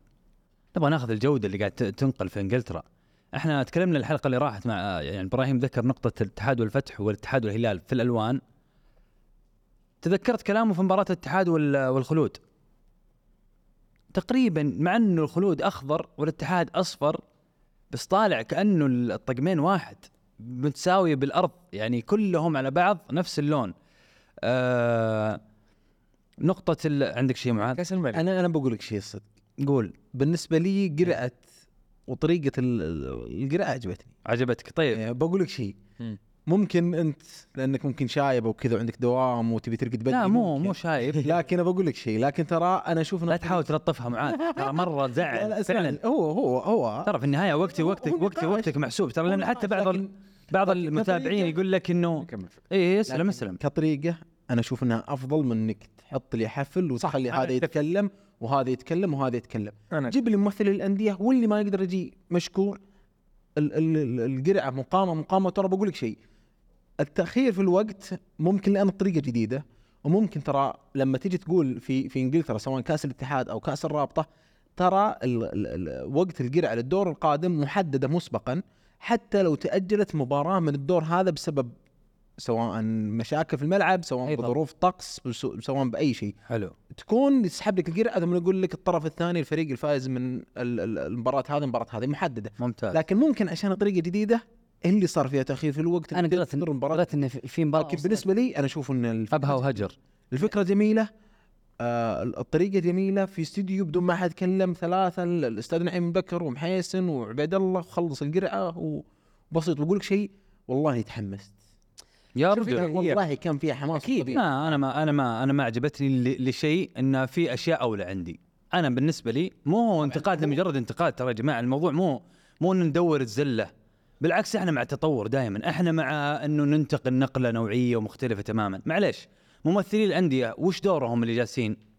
يعني ها هو طب هم جالسين شاهد عشرة. أهلها يعني هي كذا هو قانونيا. معناها انك يا أخي هذا فريقك موجود احتراما لك إيه، بس كونك طب تجيب لي؟ تقدر تقدر. تسويها بدون, بدون أنا بقول لك معاك أنا أنا أقول إيش لك. مشكلة تشتيك الممثلي الأندية يعني لما. يعني أنت عندك 18 نادي أو فاهم، دو- فاهم. 16 نادي جايب 10 في ستة طيب مو موجودين إنك تحدد يوم لا عشرة. ثم من بعد 10 والله ثم بعد غامدي ما- يتمغط عارف ورا كذا يعني ما واضح طيب انه أنت تخيل إنك لو تحدد لها يوم ثم آه. ثم نجي رئيس الاتحاد الموقر يعطي كلمة ثم لا لا لا أنا ما أتكلم. على موضوع إنه ما تصير في استوديو. أنت أنا ما أنت أتكلم اشكاليتك على الوقت؟ في نقاط كثير يعني شوف لما تبغى تصير تسويها في استوديو. الساعة 12 بالليل قرعه ما عمرها صارت. طريقة العرض. محمد يمكن يا يختلف. أخي أنا ما ما أقول انها لازم تكون حفل ترى معاذ. أنا ما أقصد إنه لازم تصير حفل لا. بالعكس. على التوقيت. شفنا حفل الرابط أصلا ويعني عرفنا من بداية الدوري إحنا وين رايحين. أتكلم على موضوع ان إذا بتسويها في استوديو سويها بكل بساطة اليوم الثاني يا أخي تأجلت. أو أو لا تحددها في نفس اليوم. محمد مو إنه في مباراة وصلت وقت إضافي. أبها وهجر طيب. قال لك ال- الطريقة في الدوري الإنجليزي اللي في الكاس الاتحاد بكل بساطة الفائز من أبها وهجر بما أن المباراة ما انتهت الآن الفائز بيلعب مع الفائز من المباراة. بس مش مرتبطة بالنقل؟ حتى؟ لو مرتبطه بالنقل إنهم كانوا على قناة واحدة. لا لا لا مباراة مباراة هجر كانت في قناة ثانية ما لها علاقة. لو يسويها بزوم عن بعد ما عندي مشكلة بس الوقت الساعة 12 بالليل يا شباب. حاجة أنا كان عندي مشكلة واحدة. آه بخصوص التوقيت هذه ما أدري أنا قرأت ناس كثير إنه زي ما قال محمد كان في أبها وهذا ففعلا التوقيت كان متأخر. كان عندي مشكلة واحدة بس أنا مع الموضوع هذا كله. آه بصراحة ما عانيت مع التوقيت. وكانت مرنة وسهلة. لي ما أحب نظام الحفل والمسرح صح، صح. وننتظر. والصوت والماء ما حبيت الجو هذا بس يعني كل شيء تمام. حاجة واحدة كان عندي مشكلة فيها آلية القرعة كيف بتكون؟ عشان أنا كمشاهد أعرف لما لا أسمع شوف أنا إحنا ترى مو نتكلم على عائله القرعة إحنا نتكلم على الوقت. أي هو إي- يتكلم إي- عن لا شيء. لا ما عجبني. أنا ما عندي مشكلة لو دقت ولد ما عندي مشكلة. بس لا تخليها الساعة 12 بالليل. لا لا. أنا أقول لك أنا ما ما كان عندي مشكلة مع التوقيت يمكن كنت سهران يومها. مشكلتي الوحيدة كانت مع آلية القرعة. ما انشرحت زين وحتى لو انشرحت زين ما كانت واضحة كثير وكان أشوف إنه في أشياء كثير أسهل عشان أنا أعرف هلال هلال طلع اسمه قلت وين؟ حنا هو حاطين في المباراه ستة قاعد يقول يعني لو جانا سبعة إحنا معه ولا لو جانا خمسة إحنا معه.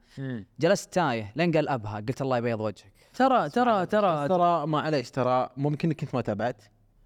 الحساب كاس خادم الحرمين الشريفين في تويتر مو- شرح كان؟ مو بدوري مو بمهمتي. أنا وشرحه وقت البث. اسمع اسمع افتراضا إن أنا ما- اسمع اسمع افتراضا إن أنا ما عندي ما عندي تويتر وزي كذا من جد في كثير متابعين فاهم. اي ما يستخدمون منصات فاهم. بس التواصل هو شرحها في بداية البث والله شوف أنا شفتها النظام ما. كان مرن ما كان سهل أنا فتحت شاهد دخلت آه دخلت دخلت عليها تفرجت من أول ما انت شفت بعد ما تخلص لا لا لا شفت لايف؟ أيوه فدخلت جوي. وقتها. يعني طيب. شوف إذا اللي ما عجبني فيها بس ممثلين الأندية اللي ما ما ت... أنا أنا والله ما دريت انهم هم ممثلين عندي جايين إلا نهاية الحفل يعني نهاية القرعة. ويشهدوا.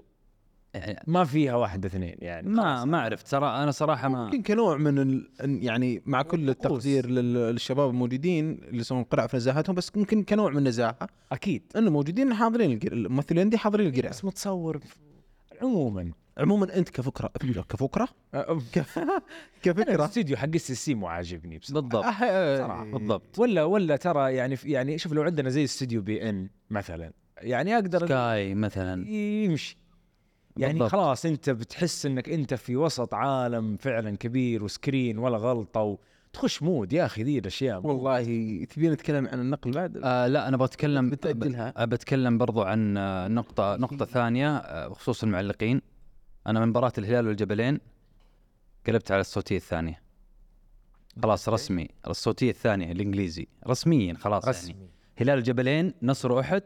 تفرجت على على الصوتية الثانية. آه، نصر أحد كانت م- م- م- معلقة وليست معلق معلقة إنجليزية.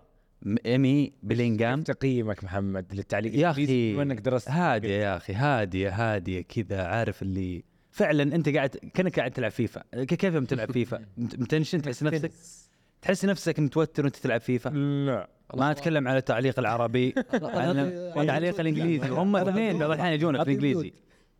تحس نفسك فعلا تتفرج مباراة يا أخي هدوء ما في إزعاج ما في كلمة في مكانها. يعني عارف فعلا. ما في زيادة النبرة هذه. فجأة أتفاجأ في في تويتر وأنا قاعد أفتح إنه معلق ال- ال- المباراة الهلال والجبلين يقول انه النصر متقدم على أحد 1-0 وهو يعلق على الهلال والجبلين والنصر الساعة 9 والهلال والجبلين الساعة 6 أنت متخيل؟ فاهم فهمت أنت ولا ما فهمت إبراهيم؟ يعني أنا قاعد أعلق الهلال والجبلين الساعة 6 شوف حقيقي ترى ترى يعني لا. نصر واحد واحد لا يعني جماعة ما نتكلم في ترى آه ترى شوف. ونقطة ثانية معلش إبراهيم عشان أكمل عليها وعندك الأمس أنا كنت مع الشباب اتفرج مباراة فمشغلين شاشتين فمشغلين على الرئيسين نصر ال- ال- الاتحاد والفيحة. اللي هي كانت اتحاد وفيحة ونصر وطائف في نفس الوقت. أوكي. فرافعين الصوت شوف اللي خلانا ما إحنا مستوعبين. رافعين الصوت على الاتحاد والفيحة فجأة أسمع المعلق يقول كريستيانو يستلم فقاعد يقول لهم اكتم لا مو أنت رافع الصوت هنا اكتم هنا. أوكي. طلع الموضوع لا. انه الصوتية حقت الاتحاد والفيحة إلى الدقيقة أربعة شغالة على حقة النصر. أوه. اي مستوعب أنت؟ اي يعني أنا قاعد الفيش مو ال- ال- ال line مو غير ال line واحد مكان line اثنين. فجأة كذا طلع لك مشاري القرني علق على ال- الفيحة والاتحاد. فعندك المايك يلا من هنا إلى هنا. يعني استلم. إذا نتكلم عن التعليق السعودي بصراحة التعليق السعودي لا أحد يزعل مني أنا ممكن أقول وأصدقاء لي معلقين فأنا بتكلم بدون ما أتطرق لاسم. التعليق السعودي يعيش أسوأ أيامه. في الوقت اللي المفروض يعيش أحلى أيامه. صح. فقاعدين ندفع ثمن تجربة أو ثمن مجاملات لنا عشر سنوات إلى 15 سنة قاعدين نمارسه في في في خلينا نقول لك في النقل التلفو وعلى فكرة ترى هذا مو سببهم ترى ما ينلاموا الشباب يعني أو ما ينلام المعلق السعودي الحالي. عدم استقرار الدوري السعودي على قناة تلفزيونية أنا بقول لك ليش؟ عدم استقرار الدوري السعودي على قناة أو على شبكة تلفزيونية بشكل حصري يولد هذه الفجوة ويساهم في في تكبيرها بشكل مرة أكبر. ما لا لأنه- ما لأنه أنا أنا أقول لك اختلف ليش. معك. أنا أقول لك ليش. لأنه يا محمد المعلق السعودي آه، أو الم- ال- ال- المواهب المعلقين بت بت يعني آه، بتلقى نفسها لما تكون في إدارة قناة فاهمة ومصحصحة وعندها أهداف وعندها تصعيد وزي ما إنه هذول هم هم رأس مالك في المباريات. ال- ال- الدوري من كل سنة لسنة لسنة لسنة في إدارات مختلفة فالمعلقين كل سنة في سنة في سنة في قنوات مختلفة برضو بس نفس الأسماء. ال ال هذا لا يعني إنه لا المعلق السعودي اليوم عنده مشكلة على صعيد يعني آه، ميول اولا ميولهم طاغي يا جماعة الخير ترى ثلاثة أرباعكم هلاليين روقونا. لا نكذب. فلموا الليلة. إذا عندك مباراة إنت قادر تسيطر على أعصابك آه ريح اعتذر لا تزعل مني.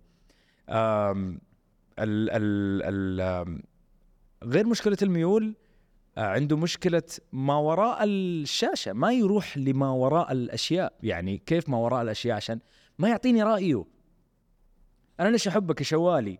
لأنك بتضرب ولا عليك فحد بتقول رأيك أنت كمعلق. وأنا أحتاج أسمع رأيك يا أخي. أحتاجك تثقفني كرويا يا أخي.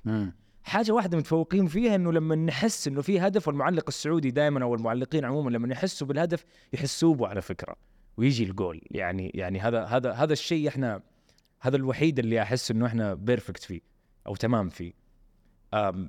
ما أنت قاعد تغير لي mood ي كمشاهد؟ ما أنت قاعد تضيف لي معلومة جديدة اليوم غير إنه أنا أبغى أرقام وإحصائيات وأهداف؟ هذه ما أحتاجها هذه أحتاجها من المحلل. أنا أحتاجك تلامسني كمشجع لذا النادي. أحتاج الهجمة لما تكون رديئة. تقول عليها هجمة رديئة يا أخي. ما تخاف من من إنك أنت تكون حقيقي مع المايك ومعايا لأنه لما تكون أنت صادق أنا حشعر بصدقك ايا كانت نبرة صوتك سواء هي في العالي أو في الهادي. المعلق السعودي محتاج له تفاصيل كثيرة في ال في ال في, التف- في الأشياء هذه. وأنا أقول آه ولا تبحثون عن الترند. يرحم أمكم يا معلقين لا تبحث عن الدقيقة ونص اللي بيرتوتها لك النصراوي ولا الهلالي ولا الهلال ولا الاتحادي.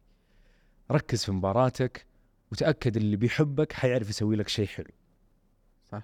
ببساطة. لا تفتعل ردة فعل عشان والله أنا يا جماعة الخير ترى ما نصدق ترى المعلق زي المغني زي المطرب ترى إحساس ترى ما يوصلني الإحساس يوصلني صراخ. طيب هذا اللي بقول لك إبراهيم هي في المقام الأول سالفة صوت. صراحة. مو مو بس كذا. اسمع اسمع أنا أقول لك في المقام الأول أكيد في مقام ثاني ثالث. بس هي في المقام الأول جزئية صوت يا ناس. يعني صوت مسلي في سرد أحداث المباراة والتعليق عليها. في في الوصف في الارتجال في الاستطراد في إنه يثقفك من حيث المعلومات وإلى آخره. في إنه يبقى دائما في موقف حياد ويميل للكفتين حسب تقلبات نهاية المباراة. بس في المقام الأول دائما هي جمالية صوت. في معلقين الله يحفظهم يعطيهم الصحة. أوقات لما تستخدم الريسيفر وتغير من مباراة لمباراة تجيك السواد هذا حق الشاشة اللي يستمر معك ثانيتين. تسمع صوت الصراخ قبل ما تشتغل معك اللقطة. لما تشتغل اللقطة كرة في نص الملعب.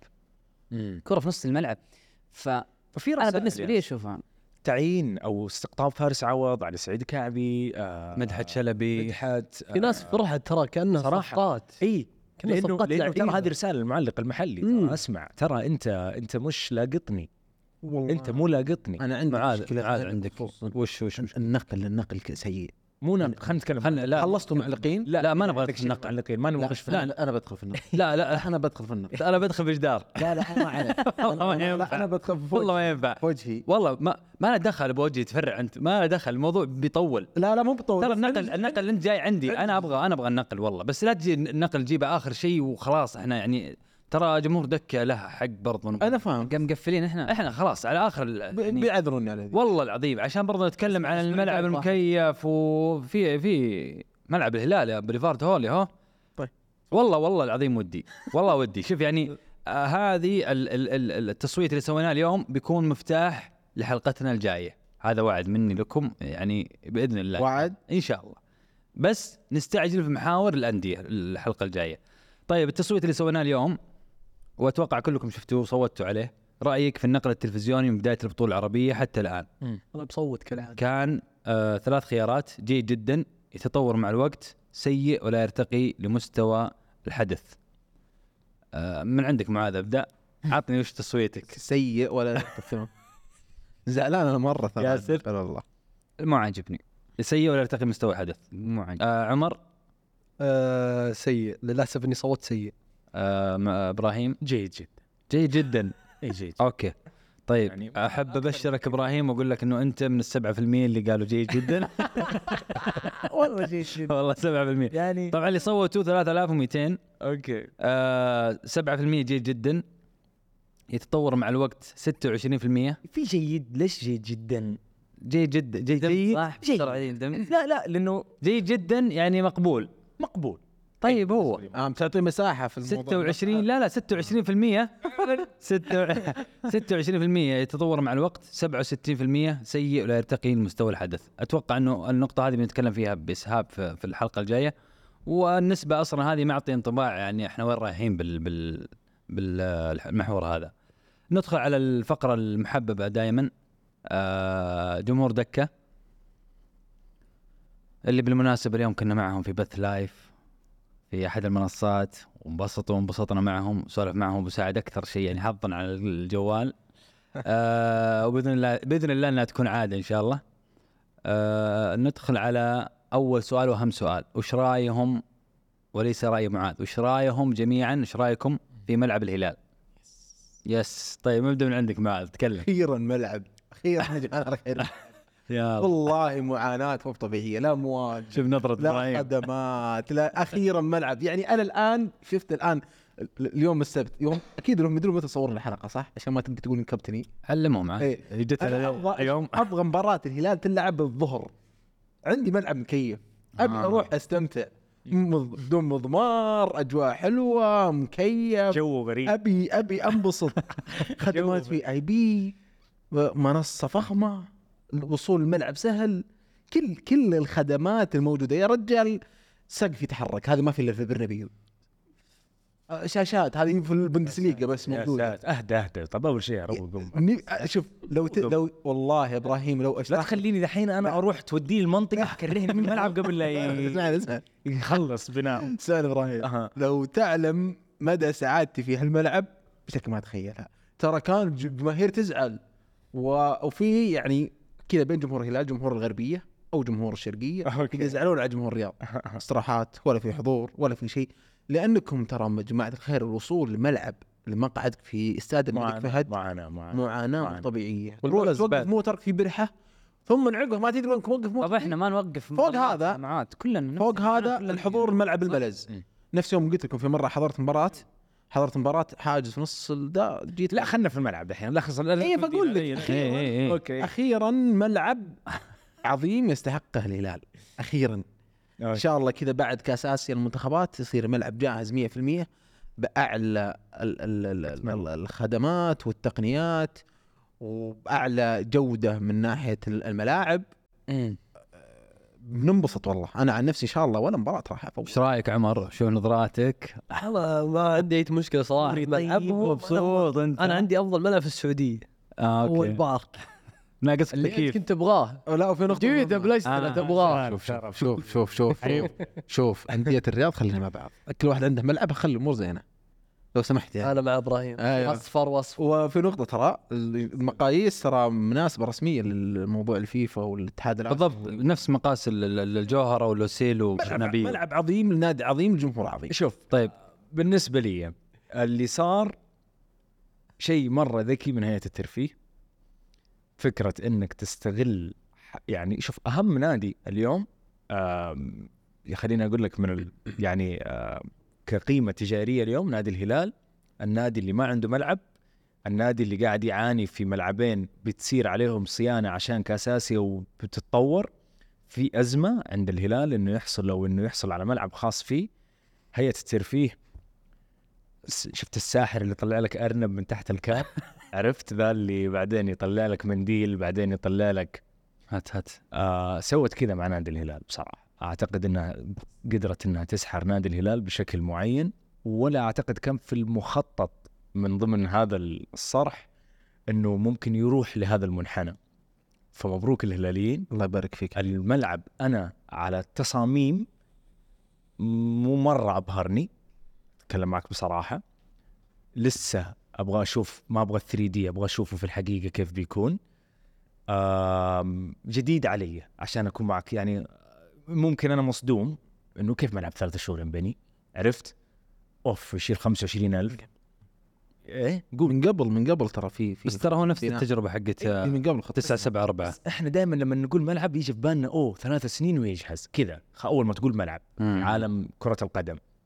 فلما تقول لي ملعب في ست شهور مثلا أو من ثلاث شهور بدأ وباقي له ثلاث شهور ويجهز ففي ترقب بصراحة. تحضر فيه إبراهيم؟ إذن الواحد إيه، بحضر فيه. باذن الواحد الأحد. والله والله بحضر فيه. الكلاسيكو أنا أنا حيكون وياك نحن. السنتر شوف أنا مؤمن بإنه الأندية كأس موسم الرياض برضو ترى. مؤمن بإنه الأندية آه بس نفسي أصدقه إنه ملعب فهمت؟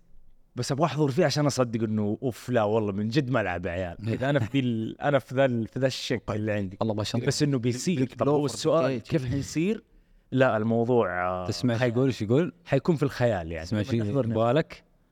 إيه؟ ممكن نحضر بس جيب معك آه، بلوفر كذا عشان. البرد وكذا يا حبيبي وبتصير تجربة حلوة لأنه حوالين ال... حوالين ال down center، حوالين في الوسط. أنت في اللعلعه يعني ممكن تحضر مباراة بعدها تطلع قص لك ticket حفلة محمد عبده آه سينما سينما أنت مم، مم، مم. وهذه التجربة اللي نحتاجها بصراحة صح صح. فمبروك الله يبارك فيك. ونحضر بس آه. الهلالي إيش وضعه في المدرجات ذي؟ لا لا مشي مشي. أنا أنا ركز على الملعب لا لا, تقت-. لا تقتلوا الفرحة. ها. نحضر إن شاء الله الكلاسيكو سوا. طيب آه، ياسر ياسر يعني يا- فرحان ملعب معاذ. لك الهزيمه معاذ بالله عشان نخلص. ما باركت لهم أنا مبروك تستاهلون الملعب الله يبارك فيك. وانبسطوا إن شاء الله. ياسر تكون المملكة؟ arena. arena. المملكة arena؟ Kingdom Arena مبروك ملعب آه، مبروك في ابتسامه بعد. يستاهلون صراحة صبروا ونالوا الطيب. آه، آه، طالع معاذ. إيه والله أقسم بالله العظيم يا ريت يا ريت لا والله العظيم إنها من داخل مبروك يستاهلون فعلا. يعني تشوف يعني أشوف معاذ إنه يتعنى ويعني يسوي حضور المباراة يتطلب كثير منهم تمام؟ بس حيكون أمريكي ترى ها؟ كيف؟ يعني أحسه بيكون شو؟ هو أكيد نبي. فهمت قصدي؟ اي بس أنا مثلا أنت في بس 3 جديدة علينا ذي. أنا في 3 دي نفسك ما ما صار عندي تصور أو ما حسيت إنه بيكون جميل بعدين بس أنا متأكد هيئة الترفيه ما بتسوي شيء. إلا بيكون رهيب. وما بتفت يعني مستحيل فكرة إنه نفتتحه وهو مو جاهز مثلا. متأكد إنه بيفتتح وبيسمع في العالم كله وبيكون عندنا صور. الدرون هذه والصور اللي من الهليكوبتر وملعب يفتح النفس وكل فريق يبغى يروح يلعب فيه. فمبروك لهم. اللي أتمناه بصراحة آه، انديه جده الأهلي والاتحاد الحين الجوهرة مقفل عبد الله الفيصل مقفل. التجربة في عبد الله الفيصل. أنا ما قلت حرس الملك فهد بس حرس الملز. في عبد الله الفيصل تجربة الحضور أسوأ بكثير. الوقفة اللي في البرحه هناك حتى ما تلقى البرحه لسه باقي تج- أنا ما حضرته بالشكل الجديد. جدا جدا جدا موضوع الوصول لملعب عبد الله الفيصل صعب. على الأهلاويين والاتحادين أو حتى النصراويين اللي حضروا الأسبوع اللي فات ضد أحد والهلاليين لو لما يجون جدة مثلا في مباريات جدة. صعب مرة الحضور في الملعب ما أعرف إيش حالة الجوهره اليوم عشان تستقبل جمهورين الناديين هذه. بس لازم وإذا فيه فكرة عبد إغلاق عبد الله الفيصل مع إغلاق آه ملعب الملك آه عبد الله آه نلعب في سوبر دوم ذي اللي لا. محطوطة جنب الجوهر برضو يحطونا. فيها أرضية أنا, أعطيك؟ الحل اسمع اسمع أنا أعطيك الحل أنا ومعد حضرنا في في في الطائف البطولة العربية الاتحاد والاتحاد الهلال والشباب الملعب كان جميل مرة يعني جميل في التلفزيون في النقل الناس قدرت يكون عندها تصور هذا وجميل حتى من حيث وصول هو وصول أسهل مش وصول رائع بس وصول أسهل للمشجعين. وأعتقد انه اقتراح أجمل من فكرة اللعب في في في الشرائع يعني في ملعب الوحدة. أتمنى يعني هذا إنك طلعت بدري ترى. ها؟ طلعت بدري. أنا عانيت أنا. أنا ما أقدر أشوف شوطين غير للأهلي صراحة. طيب آه من هو النادي اللي يمتلك أفضل دفاع على السريع؟ في في شيء يعني من قصدك؟ من الأندية من التوب؟ انديه الدوري. الدوري؟ إيش السؤال والله رهيب. كمنظومة؟ يعني ولا أفضل دفاع. السؤال كذا جاي عام. من هو النادي اللي يمتلك أفضل دفاع؟ والله قبل إصابة. شوف ال- أنا فتحت جدول الترتيب. الهلال والهلال والتعاون استقبلوا سبع أهداف ثم النصر بلى. عشر أهداف الاتفاق تسع أهداف استقبلوا.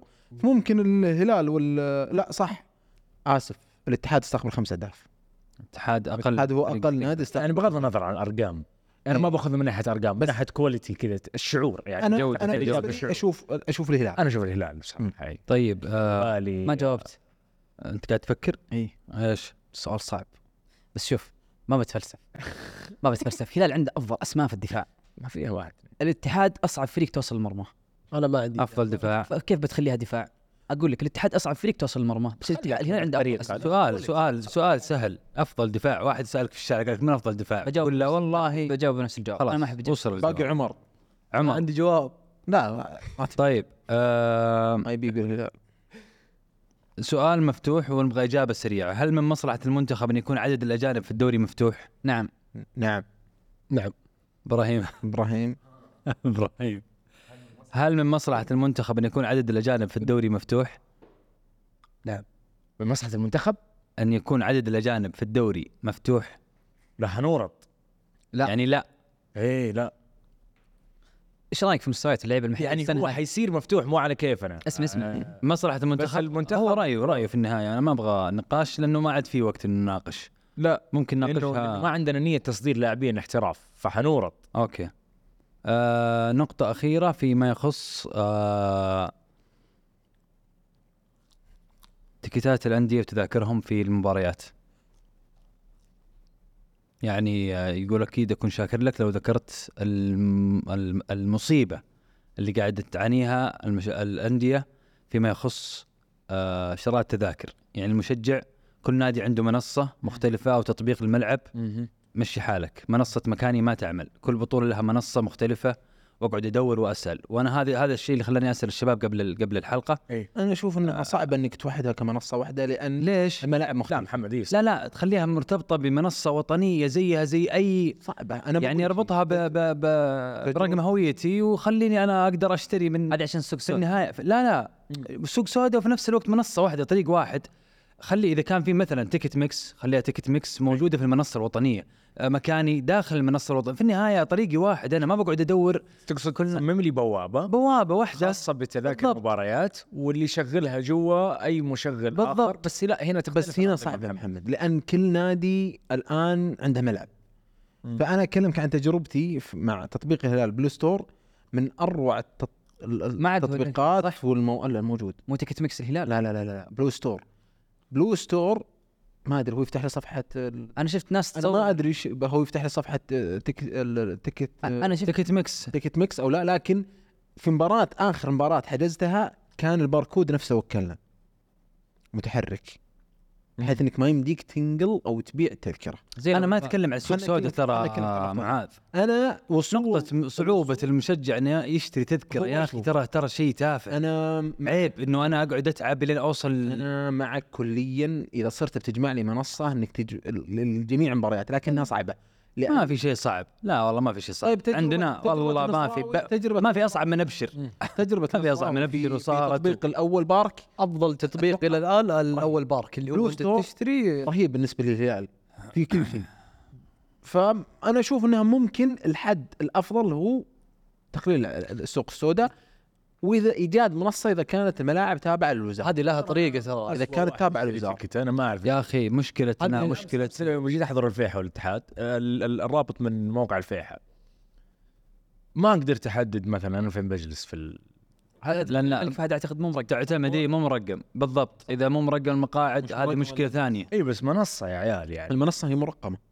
طيب مرقم المف- فالمفروض يعطي هذا جل خلل من الفيحة. رجال إي من ما, هو مرقم. لأن في ال في ال الهلال Blue Store المنصة والمقصورة وإلى آخره. حتى البوفيه عندي مشكلة في البوفيه by the way. موضوع ال- راح مرة وتعاد. ما في أكل يا أخي. موضوع السوق السوداء محمد بس موقع الأول Park لما تشتري التذكرة قبل المباراة ب 12 ساعة يرسل لك الباركود حق التذكرة ما تقدر تشاركها. خلاص التذكرة اذا أنت شريتها ما تقدر تشاركها ابدا. بس تقدر تحولها تقدر والله تحولها عجبني النظام إيه ذا عندك. بس ما تقدر تبيعها بسوق سوداء تشتري التذكره ب 100 تروح تبيعها ب 600 تروح سوق هذه الخطوة والباركود اللي عند الجديد ترى رهيبة مرة. الله حق الحلقة اللي راحت سألتني أنت عن تجربة يعني ما أدري إذا بردنا قلب اللي سأل. معليش ممكن معلش ممكن. أضربك. آه، المباراة المباراة اللي راحت كانت أول مرة أحضر في الأول بارك. دورت آه، نورك. آه وفي سياق متصل مع الموضوع حق التذاكر وزي كذا تجربة التسجيل في التطبيق وشراء التذكرة وتحديد المقعد و إلى آخره كانت سهلة مرة أصلا كنت مستمتع وأنا يعني ما شاء الله أغلب الملاعب تلقى فيه أربع أو خمس فئات بالكثير للمقاعد. الأول Park كنت أسوي زي كذا يطلع لي بلون بنفسجي هذا ال sports lounge هذا المدري كيف. فضل اللي تحت عند محمد رمضان في في تفاصيل كثيرة في الملعب تجربة كانت سهلة الشراء اتممته في دقائق زي ما قال عمر اشتريتني قبل شهر. نزلت التذكرة آه، يوم المباراة صباح يوم المباراة. الملعب كان جميل. أم أنا لما دخلت جوا قاعد يقول ما في بوابات ثاني خاص كيف كيف وصلت بالسرعه ذي؟ سرعة دخول وخروج. ال- الس- إيش- يعني ج- الملعب جميل مرة. ملعب جميل مرة. الله حق أحلى من ملعبكم بإذن الله إنك تجرب. دق. إن شاء الله إن شاء الله تشوف. بس أكثر شيء كان ضاغطني الصدق. والله لا. امشي فوق سجاد خزامة. في الهلال طيب. آه مبدئيا معاذ معاذ عشان المدينة ختم هذا معاذ دقيقة بس آه، في شيء ضاغطة. أكثر شيء كان ضاغطك؟ أكثر شيء كان ضاغطني متعبني إيه. المذيع الداخلي حق الملعب. يا الله. آه، مع إعلان كل هدف لا ولا لا إيش؟ هي مو في يعني في لا ضغطت طوط بعد الهدف. إيه، هذه هذه تحس لأن, لأن أنت أصلا أول ما يتسجل فريقك هدف في مباراة عادية ما بالك قمة خلاص من هنا أنت تبدأ خلاص. فكان يشتغل الصوت هذا وبعدين يشغلون عندهم music يشغلونه. ويقفل الصوت. يطلعون لك هم يتكلمون. وإحنا جالسين. حسبي الله عليك. وهم هناك مبسوطين فهمت؟ فكانت يعني تجربة. لو أنا نصراوي أو أقدر آخذ التجربه هذه كهلالي في ملعب عندي بعدين والله ما افوت مباراة واحدة أقسم بالله. هذه حلوة أعوذ بالله من الكتمان. كنا ودنا ناخذ الرأي ذا بعد. لا والله ذاك اليوم مرة الموضوع كان صعب. طيب يعطيكم العافية. like و share و subscribe ونشوفكم إن شاء الله الحلقة الجاية. على خير. في أمان الله.